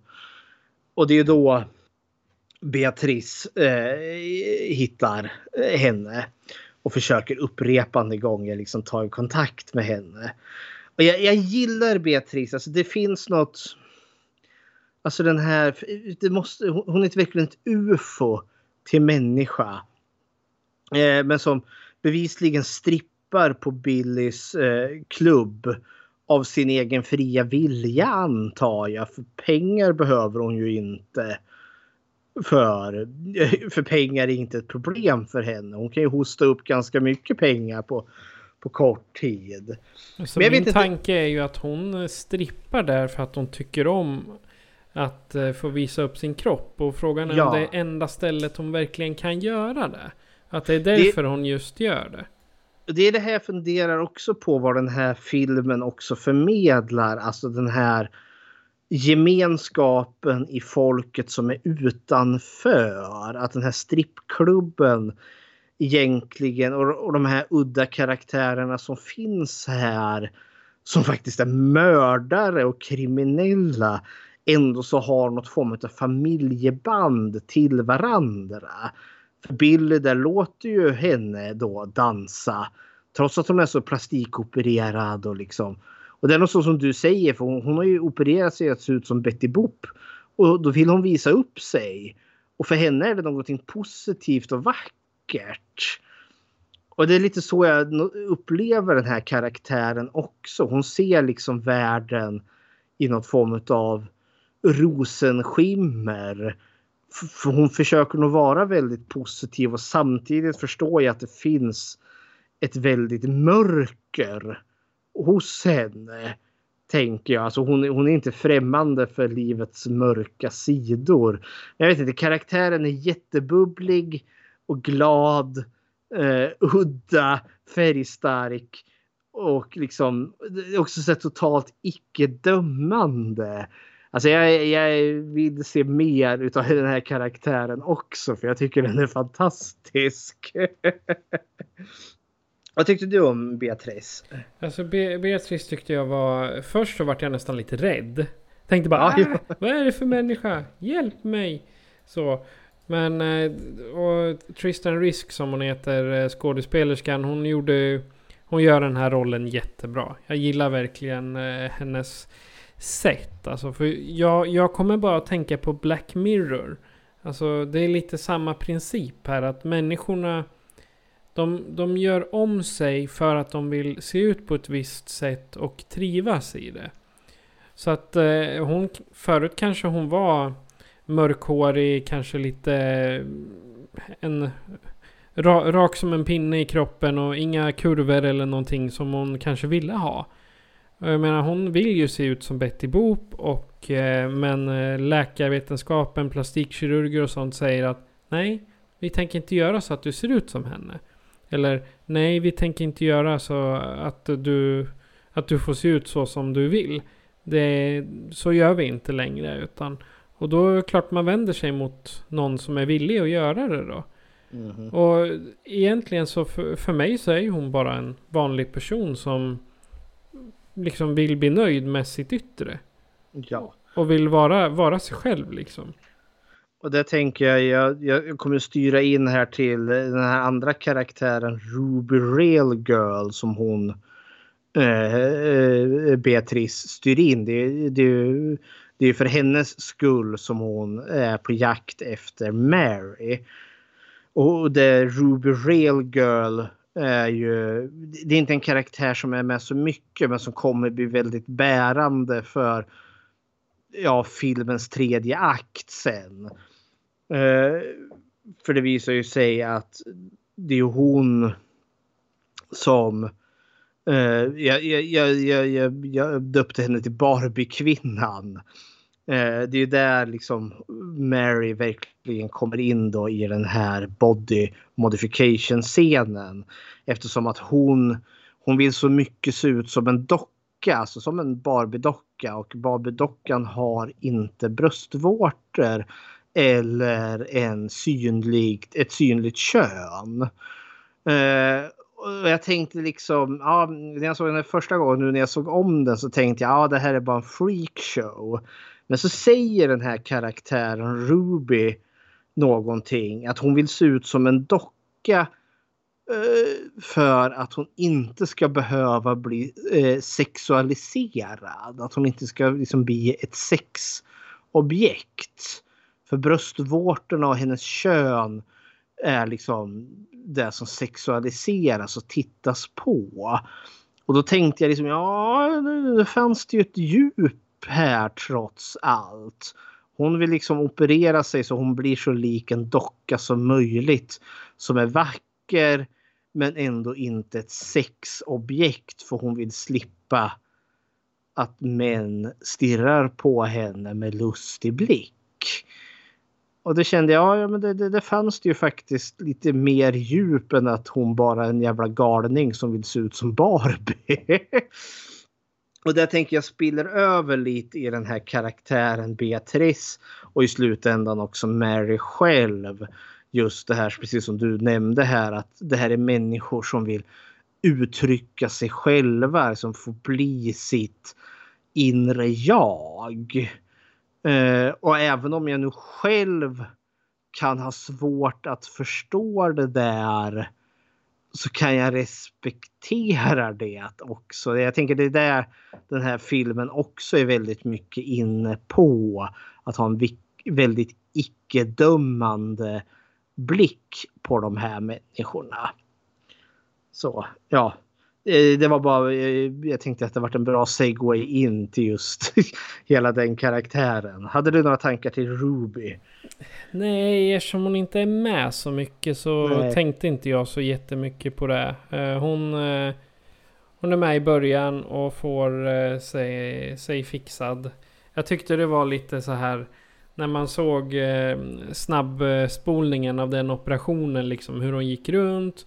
Och sen sy, ändrar där i underlivet och bara hmm, hmm, hmm, Står med sin lilla nål och tråd där.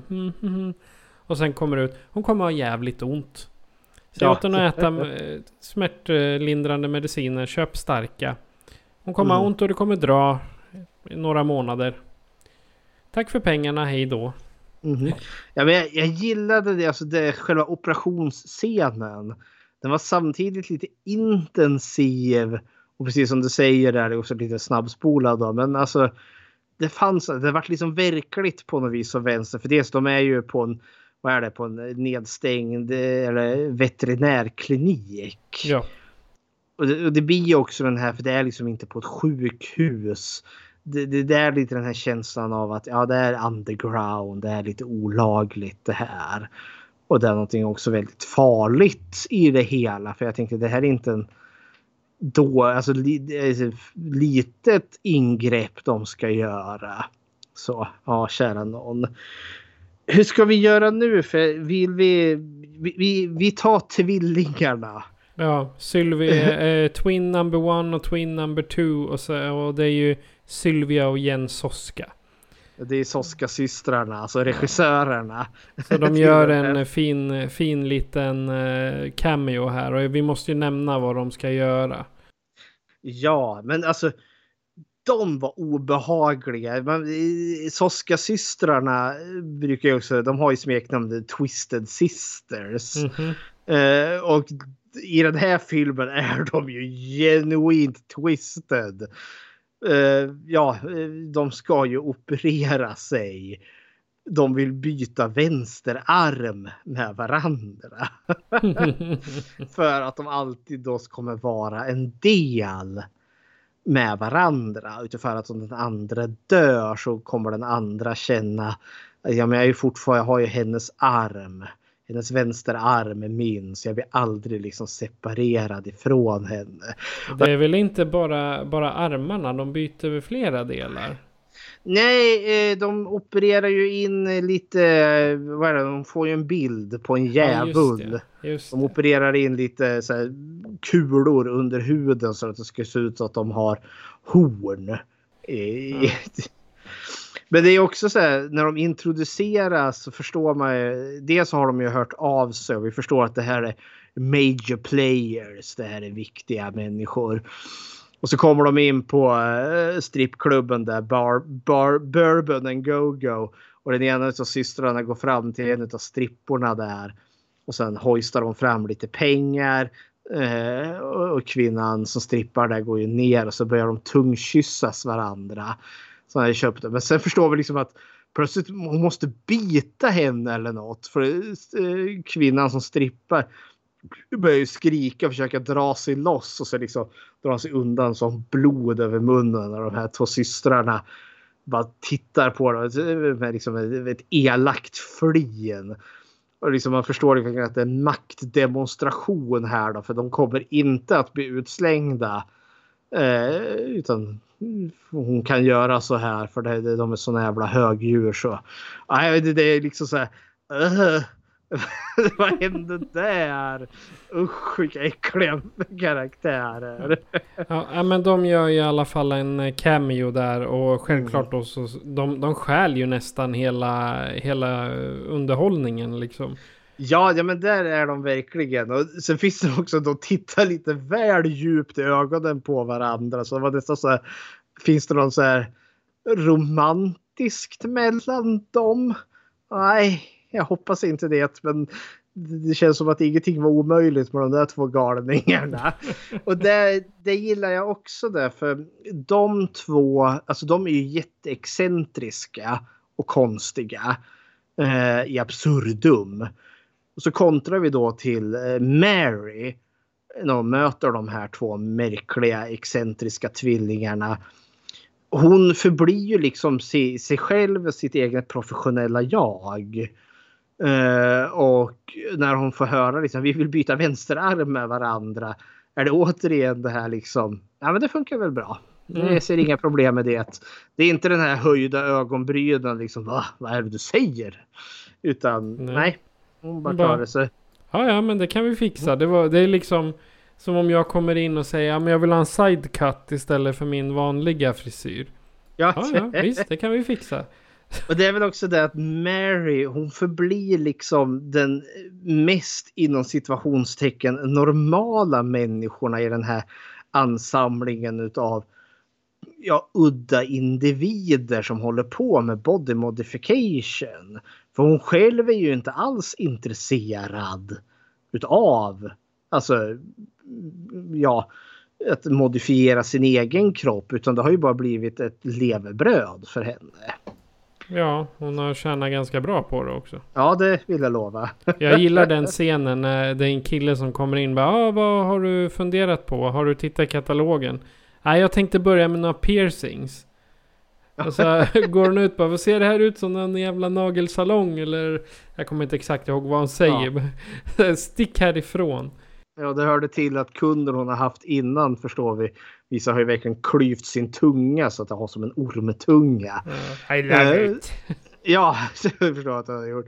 Men det gillade jag också för då, då ropar hon ju på han gonen där, Billys gon eller gorilla där. Eh, som kommer in där och hon liksom bara, ah, men släng ut den.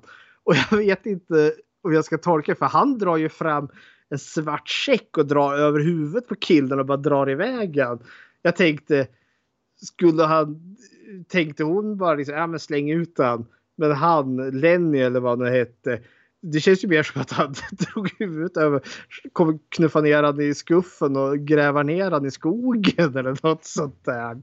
Jag tror att i första mötet med henne får de inte veta vart det är någonstans. Så har jag förstått det med de, med de flesta. För det är många som kommer dit med en, eh, en säck eller någonting över huvudet första gången. Ja, ja. Och sen Men det är- efter när de ska komma tillbaka och göra flera. Då får de väl... De, de får väl inte veta vart de är innan förrän du är Nej. en patient. Liksom. Nej, det är så sant. För Så det är, det klini- kliniken är ju olaglig trots Ja, allt. så det är ju bara de verkligen invigda eller betalande som får komma liksom. Ja. Ja, kära någon. Ja. Då har vi bara en karaktär kvar då egentligen och det är den här filmens våldtäktsman. Ja, Dr. Walsh. Nej, Dr. Ja, han är också med på ett hörn där. Dr. Ja, det är han ja. Grant. Just det. Dr. Grant. Ja, precis. Dr. Grant. Ja, Dr. Walsh är ju hennes handledare. Ja, Och han är ju inte med så mycket. han är ju han är involverad i skiten ändå så visserligen men ja. Men han gör inte så mycket avtryck på handlingen då, om vi säger så. Det- han är med i- är. Det är med i början där. Alltså det, ja. Eh, Dr. Grant, våldtäktsmannen. Eh, han var ju ett jäkla...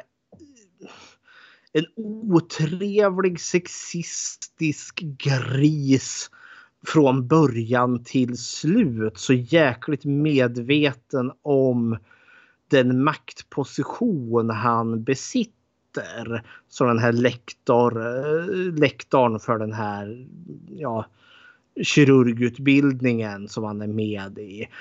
Och han känns ju, alltså han är ju på henne från start och han håller på och neggar henne för hennes, vad är det, hennes mobiltelefon ringer för det är mormor från Budapest som Ja. hör av sig. Ja, och eh, låne, studentlånsavdelningen har nog sett. Banken är det ju förstås. Eh, och då är han ju på henne och neggar henne direkt för att telefonen pep ju till där på hans föreläsning. Och hon måste liksom, oh förlåt, förlåt och krypa inför korset. Och så, för han kör ju liksom, det känns som en sån väldigt klassisk härskarteknik.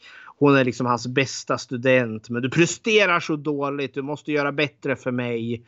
Kom ihåg att du är min bästa men jag är besviken på dig. Eh, prestera, prestera, prestera. Alltså jag, han, han blandar ju liksom eh, vad heter det, be, be, be, be, be, alltså komplimanger eh, med, med kritik och han ger ju mer kritik än vad han ger komplimanger. På en komplimang så kommer det ju typ tio kritiska eh, ja, anmärkningar. Men han, han är så jäkla entitled. Jag förstår att han är, eh, han är kirurg, han är lyckad och rik och vi, vi är inne i hans lägenhet sen på festen där, där våldtäkten sker. Och vi förstår ju att han är rik och bemedlad den här mannen. Eh, och han, det märks liksom hela han är, han, han är för bättre än alla andra. Eh, och ja, men liksom verkligen ett praktsvin från början till slut. Alltså det, det fanns ingen ljusning alls med den här människan. Vad tyckte du om Dr. Grant? Alltså jag hatade honom från start. Han är, han är en sån här... Ja, jag, jag vet inte. Jag hade haft svårt att inte käfta emot honom. Mm. Det är nu jag... Jag skulle säga jag är lite dålig på att ta auktoriteter. Alltså som en lärare eller så. Jag har en tendens till att käfta emot när det är så. Eh, när jag tycker något är orättvist eller liknande. Och det kan väl hända att man... Eh, att det har studsat ut en del olämpliga kommentarer ur min mun genom åren. Men ja. Eh, Sådana personer har man svårt att inte eh, säga dryga saker till. Och säger så. För så, det, det kände jag för honom. Han är en sån jag skulle kunna gå och ge lite gliringar till. Och Mm. bara liksom typ förolämpa bakom ryggen på honom och hitta på. För jag tyckte inte om honom det jädra arslet rent utav. Och då är det snällt sagt. Jag hade hellre... Alltså jag hade hoppat av utbildningen hellre än att gå och studera under honom. Men... eh, nu ska inte jag säga, det, det hade ju förstört filmen visserligen om jag hade hoppat av utbildningen. Jag tror inte du hade blivit våldtagen av honom heller. nej, fan jag är för ful för honom. ja, det... Nej, men sen, du nämnde ju han Dr. Walsh, eh, hennes handledare där. Han, han, är ju med på ett hörn här. För något jag tänkte är ju att eh, det, det är ju eh, han, han säger ju den här Dr. Walsh. Det är ju han som säger åt henne. Jag går ut och säger åt till hon som sitter, familjen som sitter där ute att deras pappa har fått en hjärtinfarkt. Jaha, ja då gör hon ju det. Går ut och säger ja och så kommer hon ju tillbaka. Där. Ja, och så ger han någon för det är ju en ansamling studenter där. Och de är ju liksom på praktik där. Och så säger han ju åt Mary igen. Jag går nu ut och säger till samma familj att han dog. Och så gör hon ju det. Eh, alltså, det, det, det, för jag tänkte på när jag såg det. Alltså, det, det är så jävla skeva människor de här Dr. Grant och Dr. Wal Walsh. Och så finns det ju när de väl dyker upp på den här festen så finns det ju han Dr. Eh, Black, den här asiatiska doktorn som är helt jävla märklig när hon kommer fram till ja, hej hej och han, han svarar inte med hej utan han säger I am a fucking fuck. Okej. Okay. Vad händer nu? och så börjar han uh, tjafsa någonting om, om att det var en, var en kirurg. A surgeon is a slasher because we are slashing people. Och så bara står han där och skrattar. Jag tänkte vad är det här för jävla freakshow? Men jag tänker det, det som blir här är ju att eh, jag känner att Dr. Grant och Dr. Walsh, alltså de har ju skapat en väldigt giftig kultur. De är jäkligt vana vid att deras vilja är den som gäller. Eh, och eh, som vi får bjuden till fest hos de här. Och vi förstår ju Uh, för det är ju när hon har börjat arbeta i den här olagliga kliniken och börjat få lite pengar, ganska mycket pengar. Och det har ju han Dr. Grant noterat för han har ju tidigare har vi också, han överhör ju en konversation med, mellan henne och, eh, och är den mobiloperatör eller vad det är som förstår liksom att hon har ekonomiska problem. Det är inte mobiloperatör, det är studentlånen. Ja, så kanske det är. Eh, men eh, grejen är att han förstår att hon har, har taskigt med pengar. Och sen har hon fått en massa pengar. Och han verkar dra slutsatsen att hon är prostituerad. Hon har börjat sälja sex. Därför är hon, eh, ska ju han våldta henne. För nu är ju hon bara en sunkig, ett sunkigt fnask. Hon är ett luder.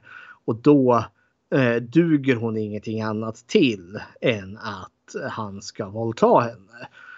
Och han är ju ganska grotesk, alltså för han drogar ju henne när våldtäkten väl börjar. Och det, jag tolkar ju som att alla de här männen som är på den här festen Alltså de, de är väl med. Det här är inte första gången. Uh, och han, hon, hon, börjar bli såsig där och man ser liksom de här männen delar ut blickarna till varandra. Nu är det dags. Uh, och så leder han in henne i sängen. Och det är aldrig som så att hon blir så drogad att hon förlorar medvetandet. Men hon kan ju som inte göra någonting. Hon är, hon är ju nästan med hela tiden, alltså under själva våldtäkten. Och jag tänkte också att för när han väl gränslar sig över henne då tar ju han fram en videokamera, en handhållen sak. Så han filmar ju sig själv när han begår våldtäkten. Jag satt och tänkte, jag så jävla kaxig och entitled är han. Så att han filmar sina egna våldtäkter för att han är så övertygad om att det här kommer aldrig någonsin eh, komma tillbaka eh, och, och drabba mig.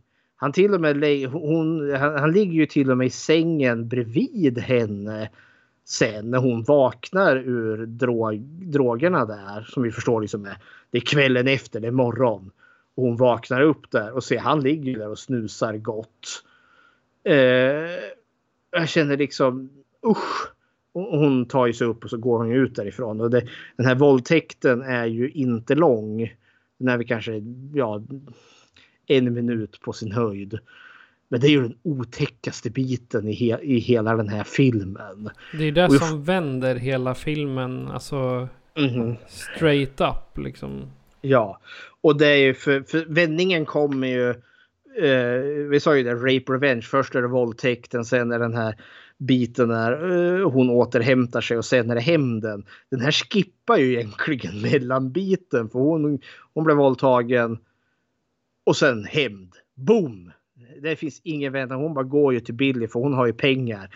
Bara trycker ner 5000 dollar i, i handen på honom och säger hämta det här svinet. Ja, Okej. Och så skickar han ju sin gon där, Lenny med det långa håret. Och sen, sen har ju hon honom i sin lägenhet.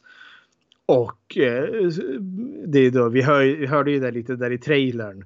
När hon eh, ja, jag har hoppat av eh, kirurgbiten eh, och startar på body modification. Det har ju varit en grej här innan, precis i början av filmen så håller hon ju på och vad heter det, övar eh, kirurgi på en kalkon. Alltså en, eh, eh, ja, en kalkon som man kan tillaga i ugnen. För att liksom, hon syr fast liksom vingar på den. Och då säger, förstår man ju att han ska bli hennes nya kalkon. Hon ska öva body modification på honom. ja, där dök nätet helt plötsligt. Ja, hela katastrofalt uselt blä. Ja, kära Don. Det är sånt som händer ibland. Ja. Ja, ja, men vi var i stort sett klara där. Hon gör ett paket av Dr. Grant. Ö, använder honom som att öva sig i body modification. Eh, så heppeli hepp. Han får vad han förtjänar kan jag tycka. Han gör ju det. På sätt och Eh, vis. Så det, eftersom eh, rättvisan uppenbarligen inte kommer åt honom så... Ja. Ja, kära någon. Ja, då så. Men eh, platserna. Vi har ju en hel del platser att välja på. Men jag har satt eh, tre stycken som jag tycker är eh, så här huvudplatser. Och det är dels baren eller strippklubben. Och dels hennes lägenhet eller Marys labb som jag döpte det till i mina anteckningar. Och källaren. Så jag är lite osäker på om källaren är på klubben eller om det är i hennes lägenhetshus. Men eh, det kan ju du få avgöra. Har du Ja. några platser du tycker är... Jag tycker det, det är väl rimligt. Alltså det, det, vi, vi är ju majoritet i, i klubb eller strippbaren och Marys lägenhet. Sen är källaren som du nämnde, det är ju där hon har honom, Dr. Grant och gör sina hemska experiment i. Eh, alltså det, det jag, så, så jag tänker att det stämmer ganska väl. Sen är det ju, vi, vi är några stunder på sjukhuset. Och sen är vi ju i Dr. Grants lägenhet också. Men tankar jag har kring miljön här. Jag fick lite. Alltså vi är ju en urban miljö. Vi är en stadsmiljö här. Uh, och när jag tänker tillbaka till de så här andra filmer som man har sett.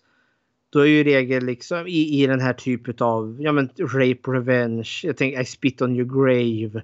Då är det ju liksom kvinnan från staden som kommer till sommarstugan ute på landet. Där möter de hillbilly våldtäktsmännen. Jag tänker som i Deliverance, den sista färden. Storstadsmänniskorna åker ut i skogen. Där möter de banjospelande galningar. Och så går det som det går. Här upplevde jag att det faktiskt fanns, alltså grejen där är ju liksom att man kommer från den civiliserade storstaden och sen in i den sunkiga skogen där lagar och upphör att gälla. Och jag tänkte motsatsen i en stadsmiljö brukar ju vara liksom när vi är det trygga är liksom det ordnade, det finade, eh, det fina huset och faran är ju då liksom på, det, eh, på de smutsiga gatorna, eh, den sliskiga strippklubben och så vidare. Men här upplevde jag att filmen vände på det. Att, alltså för det är ju på den sliskiga strippklubben som, och, som hon får sin möjlighet. Det är ju där hon finner sina nya vänner och mål eh, och riktning i livet. Medan i sjukhuset, den här fina städade miljön och sen upp i Dr. Grants lyxiga, rika lägenhet. Det är ju där hotet finns. Det är ju där hennes plågoandar håller hus. Så jag tänkte den här, den här vände lite på det. När hon var liksom i, i det fina inom situationstecken, där blir hon våldtagen. Men sen i, i det slisiga, i det snuskiga, där finner hon vänner och gemenskap. Så det tyckte jag var lite klurigt eller lite lurigt i den här filmen. På smart sätt. Ha. Ja, ja. Nej, jag, jag gillade också det att de inte använde, använde de här... Eh, man har, man har ju sett de här lite äldre vit, vita filmerna säga för att det ofta är vita som har regisserat dem. Där jag tänker eh, de farliga områdena är typ Bronx eller Downtown eller något sånt där. Eh, där det bor mycket svarta människor. Där i, i de äldre filmerna så är det där det är farligt. Det är där brotten händer och så vidare. Men i den här så är det verkligen underground-miljön som hon hittar sina kompisar. Sina, de, och framförallt hon lär sig att respektera andra människors hur de vill ha det. Liksom att man, man har budskapet att alla är inte lika. Alla, tycker, alla vill inte se ut som medelsvensson om vi skulle säga, se det ur vårt perspektiv. Men alla vill inte ha det blonda håret eller bruna håret eller så. Utan del, en del kanske vill ha att halva kalufsen är borta. För då trivs de med sig själva. Och grejen är ju det, det som är kul som du nämner här också. Är så, ja, men, det, är på bakgatorna, det är där brotten sker. Men det, så är det ju i den här filmen också. De är ju superkriminella på den här jävla strippklubben. Men eh, alltså, de mördar ju folk och stuvar bort liken förstår vi. Men det, det är där de vettiga människorna finns. Han Lenny, nu kommer jag, jag vet inte vad karaktären heter Lenny, eh, den långhåriga gonen där. Han får ju en liten scen med Mary när han pratar om vad var det, sin, sin mormor som blir misshandlad av en rånare. Eh, och sen hur han söker upp den här eh, inbrottstjuven och ja, vi förstår väl indirekt att den inbrottstjuven lever inte längre. Men hur han då, alltså det finns en intern moral av något slag. Alltså de ger sig på eh, Eh, alltså slödder, de liksom värsta utav de värsta. Eh, som ja, men, inbrottstjuvar som ger sig på gamla tanter eller äckliga doktorer som våldtar sina studenter. Att det liksom, det, trots att de är kriminella mördare så finns det liksom det finns skillnader på hur, ja, på, på, det finns grader i helvetet bevisligen. De har sin, sin kodex kanske man kan Ja. säga. Och det är också det som, för det känns som att i, på den här sliskiga strippklubbsbaren, det, som du var inne på där, alltså där finns det mer förståelse och mer acceptans än vad det finns bland de rika och fina doktorerna. För där, ja, ja där drogas du och våldtas och så slängs du ut i vildmarken sen. Ja, men det, det är typ den, den känslan man får. För eh, Lance heter han. Eh, gubbe, eller Ah. mannen med långa håret. Lance är det. Mhm. Eh, de eh, fina doktorerna där, de vill ju helst ha blonda, eh, blåögda. Eh, nu drar jag en, en extrem eh, stereotyp här. De här blonda och blåögda, eh, hög, högt intellektuella vita männen. Det är så de ser den ultimata medborgaren. Medans där på strippklubben, där kan du komma och vilja ha en hand amputerad. Liksom, här, amputera min hand för jag tycker om mig själv med bara en, en, en fungerande hand. Eller så. Det kan du göra på strippklubben utan att någon ifrågasätter det. Mm. Utan eh, du bara säger att ja, men jag vill ta bort en hand. Fine, okej. Då eh, kolla med Mary där borta. Eller Bloody Mm. Mary som hon får namnet senare. kolla med henne där borta vad hon kan göra och så, eh, så ly lycka till. Helt Ja. enkelt. Och bara sådär. Och samtidigt är det också samma människor som inte har något problem med att stycka en polis och gömma kroppen sen. Så det är, det, är det som är fascinerande med den här filmen. Det är så mycket gråskala. Ja, det, det, det, det är som jag sa på mina initiala tankar. Den är väldigt dubbelbottnad. Mm. Det finns liksom en, eh, en botten som säger att ja, men det är synd om Mary från vart våldtagen. Ja. Och Mm. så finns det en botten till. Hon är en riktig jävla sadist. Som mördar folk tillsammans med sina kompisar på en strippklubb. Mhm. Ja. Men eh, platserna, det är vi väl ga- ganska, ganska överens om vilka det kan Mhm. vara. Så att eh, hotet här. Du pratade om att det var flera hot. Ja, alltså hotet är ju lite all over the place i den här. Dels har vi ju självklart liksom våldtäktsmännen där. Sen är det ju liksom Mary i sig som alltså blir hot och då, då är det liksom hotet om att bli upptäckt för det. Dels den här illegala verksamheten hon har och det, det där som hon har utsatt sina våldtäktsmän för. För hon får ju en polis efter sig. Eller en kriminaldetektiv där. Eh, och samtidigt är det också att vi, hon börjar ju bli mörk i sinnet.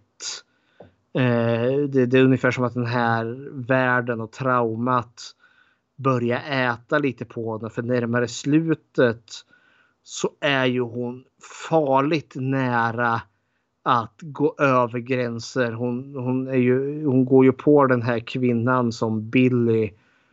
Hon, hon, på, hon kommer ju på Billy, eh, alltså strippklubbsägaren, att eh, han har ju sex med en av stripporna där. Och då förstår jag att sex. Det är snarare att han våldför sig på henne. Ja, och hon... Eh, någonting... Eh, hon mörknar ju lite i blicken där och ska ju... Eh, vad heter det? Lära den här strippan som han tvingade sig på en läxa. Känns det som. Eh, och man förstår ju liksom, för det, det är ju en scen där då när hon följer efter henne in på, eh, på, på toaletten och där står det liksom tre kvinnor där och två ser ju eh, Mary i spegeln där och vi förstår liksom att för den här andra tjejen hon är ny. Och de andra två liksom kvinnorna, oh, nu har Mary kommit här så de, de tar sina grejer och bara springer ut därifrån. Medan den andra är inte riktigt införstådd i, i Mary än. Och sen förstår vi liksom att ja, men hon blir hotfull och i slutändan bara trycker upp den här stackars tjejen mot, eh, mot väggen med, med en skalpell mot halsen. Men så inser hon att det finns en kamera där. Och då slutar hon. Eh, och liksom, ja. För annars känner liksom, hade hon mördat henne där? Så det är ju det är där liksom, det, det finns ett mörker som håller på att växer i Mary. Som då också är ett hot. Hon, hon, liksom, hon, hon, bär- hon, hon står på, på en kniväggs eh, rand där och håller på att kanske tippa över in i avgrunden och blir någonting riktigt, riktigt otäckt. Men det är ju lite man blir som man umgås. Jag har, har en liten känsla av att eh, hon har lite influenser från övriga omkring sig i form av Mm. Lance och eh, vad hette han nu den andra barägaren? Billy. Har så många namn. Billy ja, precis. Ja. Han har, hon har ju inte så bra influenser om man säger så. Men ska man väl tänka också att hon har ju också övat sig i grymhet. För hon håller ju de här våldtäktsmännen vid liv och skär i dem liksom dag ut och dag in. Nu har inte jag någon sympati för de här äckla, äckliga männen. Men jag tänker det gör någonting med henne. För hon, eh, för hon plågar ju dem liksom i dagar och veckor. Om inte annat. Jag tänker liksom att ja, mm, hon håller liksom på att förlora greppet om sin mänsklighet. Men, ja förlåt. Ja, på slutet så då ser jag henne inte Alltså mot slutet, då ser jag henne inte arbeta som barnläkare. Nej. och då kanske vi ska prata om slutet då. Uh, för den här, den slutar lite abrupt. För vi förstår, Eh, nämnde ju hon Ruby Real Girl, hon bar, Barbie-dockan. Det spelar ju tillbaka in i filmens tredje akt. Och det visar ju sig att hon har ju en make. Eh, som kommer tillbaka här. Och när han får se att hon har eh, gjort den här operationen, hon har inga bröstvårtor, hon har typ inget kön kvar. Då blir ju han vansinnig. Och vi förstår, han söker upp eh, Beatrice och slår henne sönder och samman för att få information om vart Mary bor. För han ska ta ut hämnd på henne för han har berövat honom sin frus kön. Jaha. Ja. Som verkligen och, var hans då? Ja, men det är återigen får vi en otäck man här. Eh, som reagerar på ett helt orimligt sätt. För jag, jag, känner så, oh, mitt hjärta blöder så när, man får se Beatrice. Hon, hon försöker ju ringa och varna Mary. Och hon ligger ju där på, på backen. Lägenheten är slagen sönder och samman och man ser hennes blodiga och uppsvällda ansikte när hon försöker ringa och varna Mary och, be, och samtidigt så ber hon om ursäkt för att hon har ja, gett informationen till den här mannen. Men han attackerar ju Mary och skär upp henne ganska rejält. Han attackerar henne bakifrån och kniv i magen och sen drar han ju upp kniven så liksom som att han liksom sprättar upp henne. Men hon har väl också något vapen och slicear halsen av honom. Hon vet ju vart hon ska skära för att det ska gå snabbt. Ja, för han, han rasar ihop i en hög och liksom dör ganska omgående sin pöl eh, utav blod. Medan hon då eh, försöker liksom släpa sig in i sin kirurgavdelning och så får hon ju fatt i sina instrument och börjar sy ihop sig själv. Och sen är det då eh, jag förstår liksom klipp till nästa scen och så har vi poliser som är inne i hennes lägenhet och vi liksom spanar runt och man förstår poliserna är chockade. De börjar väl in, förstå liksom den här body modification kliniken hon har haft. Och så liksom panorerar kameran runt och så är vi in i rummet där Mary kämpade så. Och vi förstår att hennes kamp var för intet. För hon ligger där död med nål och tråd i hand. Så hon, hon överlevde inte. Och sen tar filmen slut. Bara sådär pang. Ja, men och, alltså det, det, det, tyckte jag var ganska förutsägbart. Alltså att mm. hon skulle inte överleva att gå ner i, en, i sin galenskap. Liksom. Det, hade, det hade blivit... Det var liksom dömt att förloras. Mm. Så här från första början. Så att jag var inte förvånad när det hände. Utan jag, jag, jag tycker snarare att ja, då kanske hon äntligen får frid. Mm. För det är ju, det... allt det hon har gjort har ju mera varit att liksom plåstra igen såren efter den, eh, den, eh, ja, den våldtäkten hon varit utsatt för. Det, det känns som att hon mer har jobbat för att plåstra igen där än att bearbeta det. Mm. Jag, jag känner väl också att filmen här också har gått bortom alltså, he, våldtäkten och hämnden. För det är liksom avklarat. Det här är liksom vad som händer sen. Och det är lite som du säger, alltså, det är hennes nedstigning i galenskap. Men det tar ju slut innan hon har totalt förlorat sig själv. Hon blir ju inte eller ja, hon är ju en mördare. Hon slår ju ihjäl polisen. ja, ja, hepp. Men hon dör innan hon har totalt förlorat sig själv i galenskapen. Så ja. hepp hepp. Japp. Eh, då, jag tycker vi har gått igenom det mesta här. Men ja. vi har eh, en sak kvar och det är eh, våra slutgiltiga tankar. Ja. Vad har du för slutgiltiga tankar? Jag gillar American Mary väldigt mycket. Eh, jag tycker som sagt det är en lite semi-originell film. Men den har problem. Det finns eh, som exempelvis karaktären Billy, strippklubbsägaren där. Och kärleksintresset eh, känner jag det leder ingen vart. Men samtidigt är den här intressant nog. Eh, hämnd, våldtäkten och hämnden är utförd ganska väl tycker jag. Men sen är jag så, så fascinerad över den här body, body modification scenen. Och känner att oj, det är, jag vill se mer utav det. Så ja, nej, jag tycker American Mary är väldigt sevärd. Inte en fullträff, alltså det är inte fem av fem. Men det är lätt fyra av fem enligt mig. Och jag tycker den här är tillräckligt originell uh, ja, för att inte riktigt kunna jämföras med andra filmer. Jag tycker den här är fascinerande, underhållande och bra. Så. Ja, alltså American Mary hör ju till en av få, tycker jag är en av få skräckfilmer som verkligen fokuserar på den eh, kvinnliga karaktärsstyrkan. Vi har mm. ju alla Final Girls och så, men man får fortfarande inte se karaktärerna så väldigt, väldigt djupt ner som man får med Mary. Man ser henne gå från en eh, hårt jobbande student till en eh, galen mördare i stort sett. Sådär.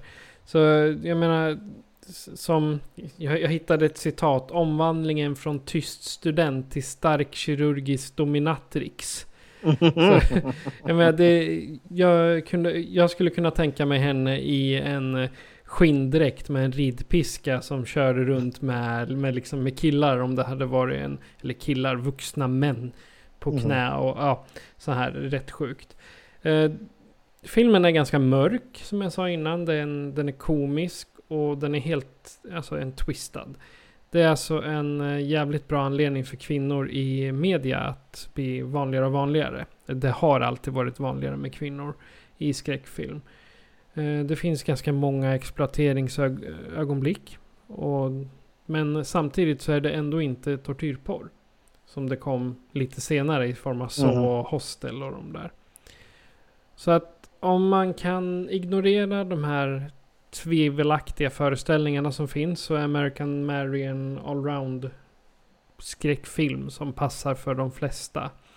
Och särskilt de som gillar det här brutalt snuskiga, sexiga universum som vi lever i. Så det är alltså hundra minuter som man inte kan hålla bort uppmärksamheten från tvn.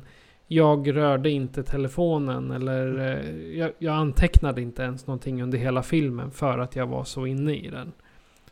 Så det, det här är, eh, det är som du säger, det är fyra av fem, inte fem av fem. Men jag skulle nog säga fyra och en halv av fem mm. snarare. För den är nästan så bra att jag älskar den. och sen då när vi ändå kommer till kvinnliga karaktärer så har du gjort något Bechdel-test? Det har jag om kvinnlig representation i film och vi för ju tesen att skräckfilmer fyller det här bäst. Och frågorna är ju tre. Eh, finns det ett? Finns det mer än två? Eh, finns det två namngivna kvinnor eller mer? Och det gör det ju. Vi har ju Mary Manson och vi har Beatrice Johnson och vi har Ruby Railgirl. Eh, och det finns flera andra karaktärer också som mindre. Eh, som också är namngivna. Eh, sen har vi fråga nummer två. Möter de någonsin varandra? Ja, Mary, Beatrice och Ruby möter ju varandra när de ska göra den här operationen. Eh, henne till, till en docka där. Och då fråga nummer tre. Om de möter varandra pratar de om någonting annat än män. Och ja, det gör de. Hon pratar ju om de här kirurgiska ingreppen. De pratar ekonomi med, med Beatrice. Eh, och de pratar lite knark och hur du ska överleva efter den här operationen. Så ja, American Mary klarar Bechteltestet med flygande eh, färg. Då så. Om eh, du som lyssnare då känner att du vill eh, prata om sådana här filmer, har ett önskemål eller bara vill säga hej så kan du kontakta oss på det här sättet. Skräckfilmscirkeln presenteras av Patrik Norén och Fredrik Rosengren. Produktion FPN Productions. Besök skräckfilmscirkeln.com för att hitta var du kan lyssna på oss, hur du kan kontakta oss och hur du kan stödja oss. Vill du diskutera filmerna i podden är du välkommen att gå med i vår grupp på Facebook som heter Skräckfilmscirkeln Eftersnack. Tack för att du lyssnar.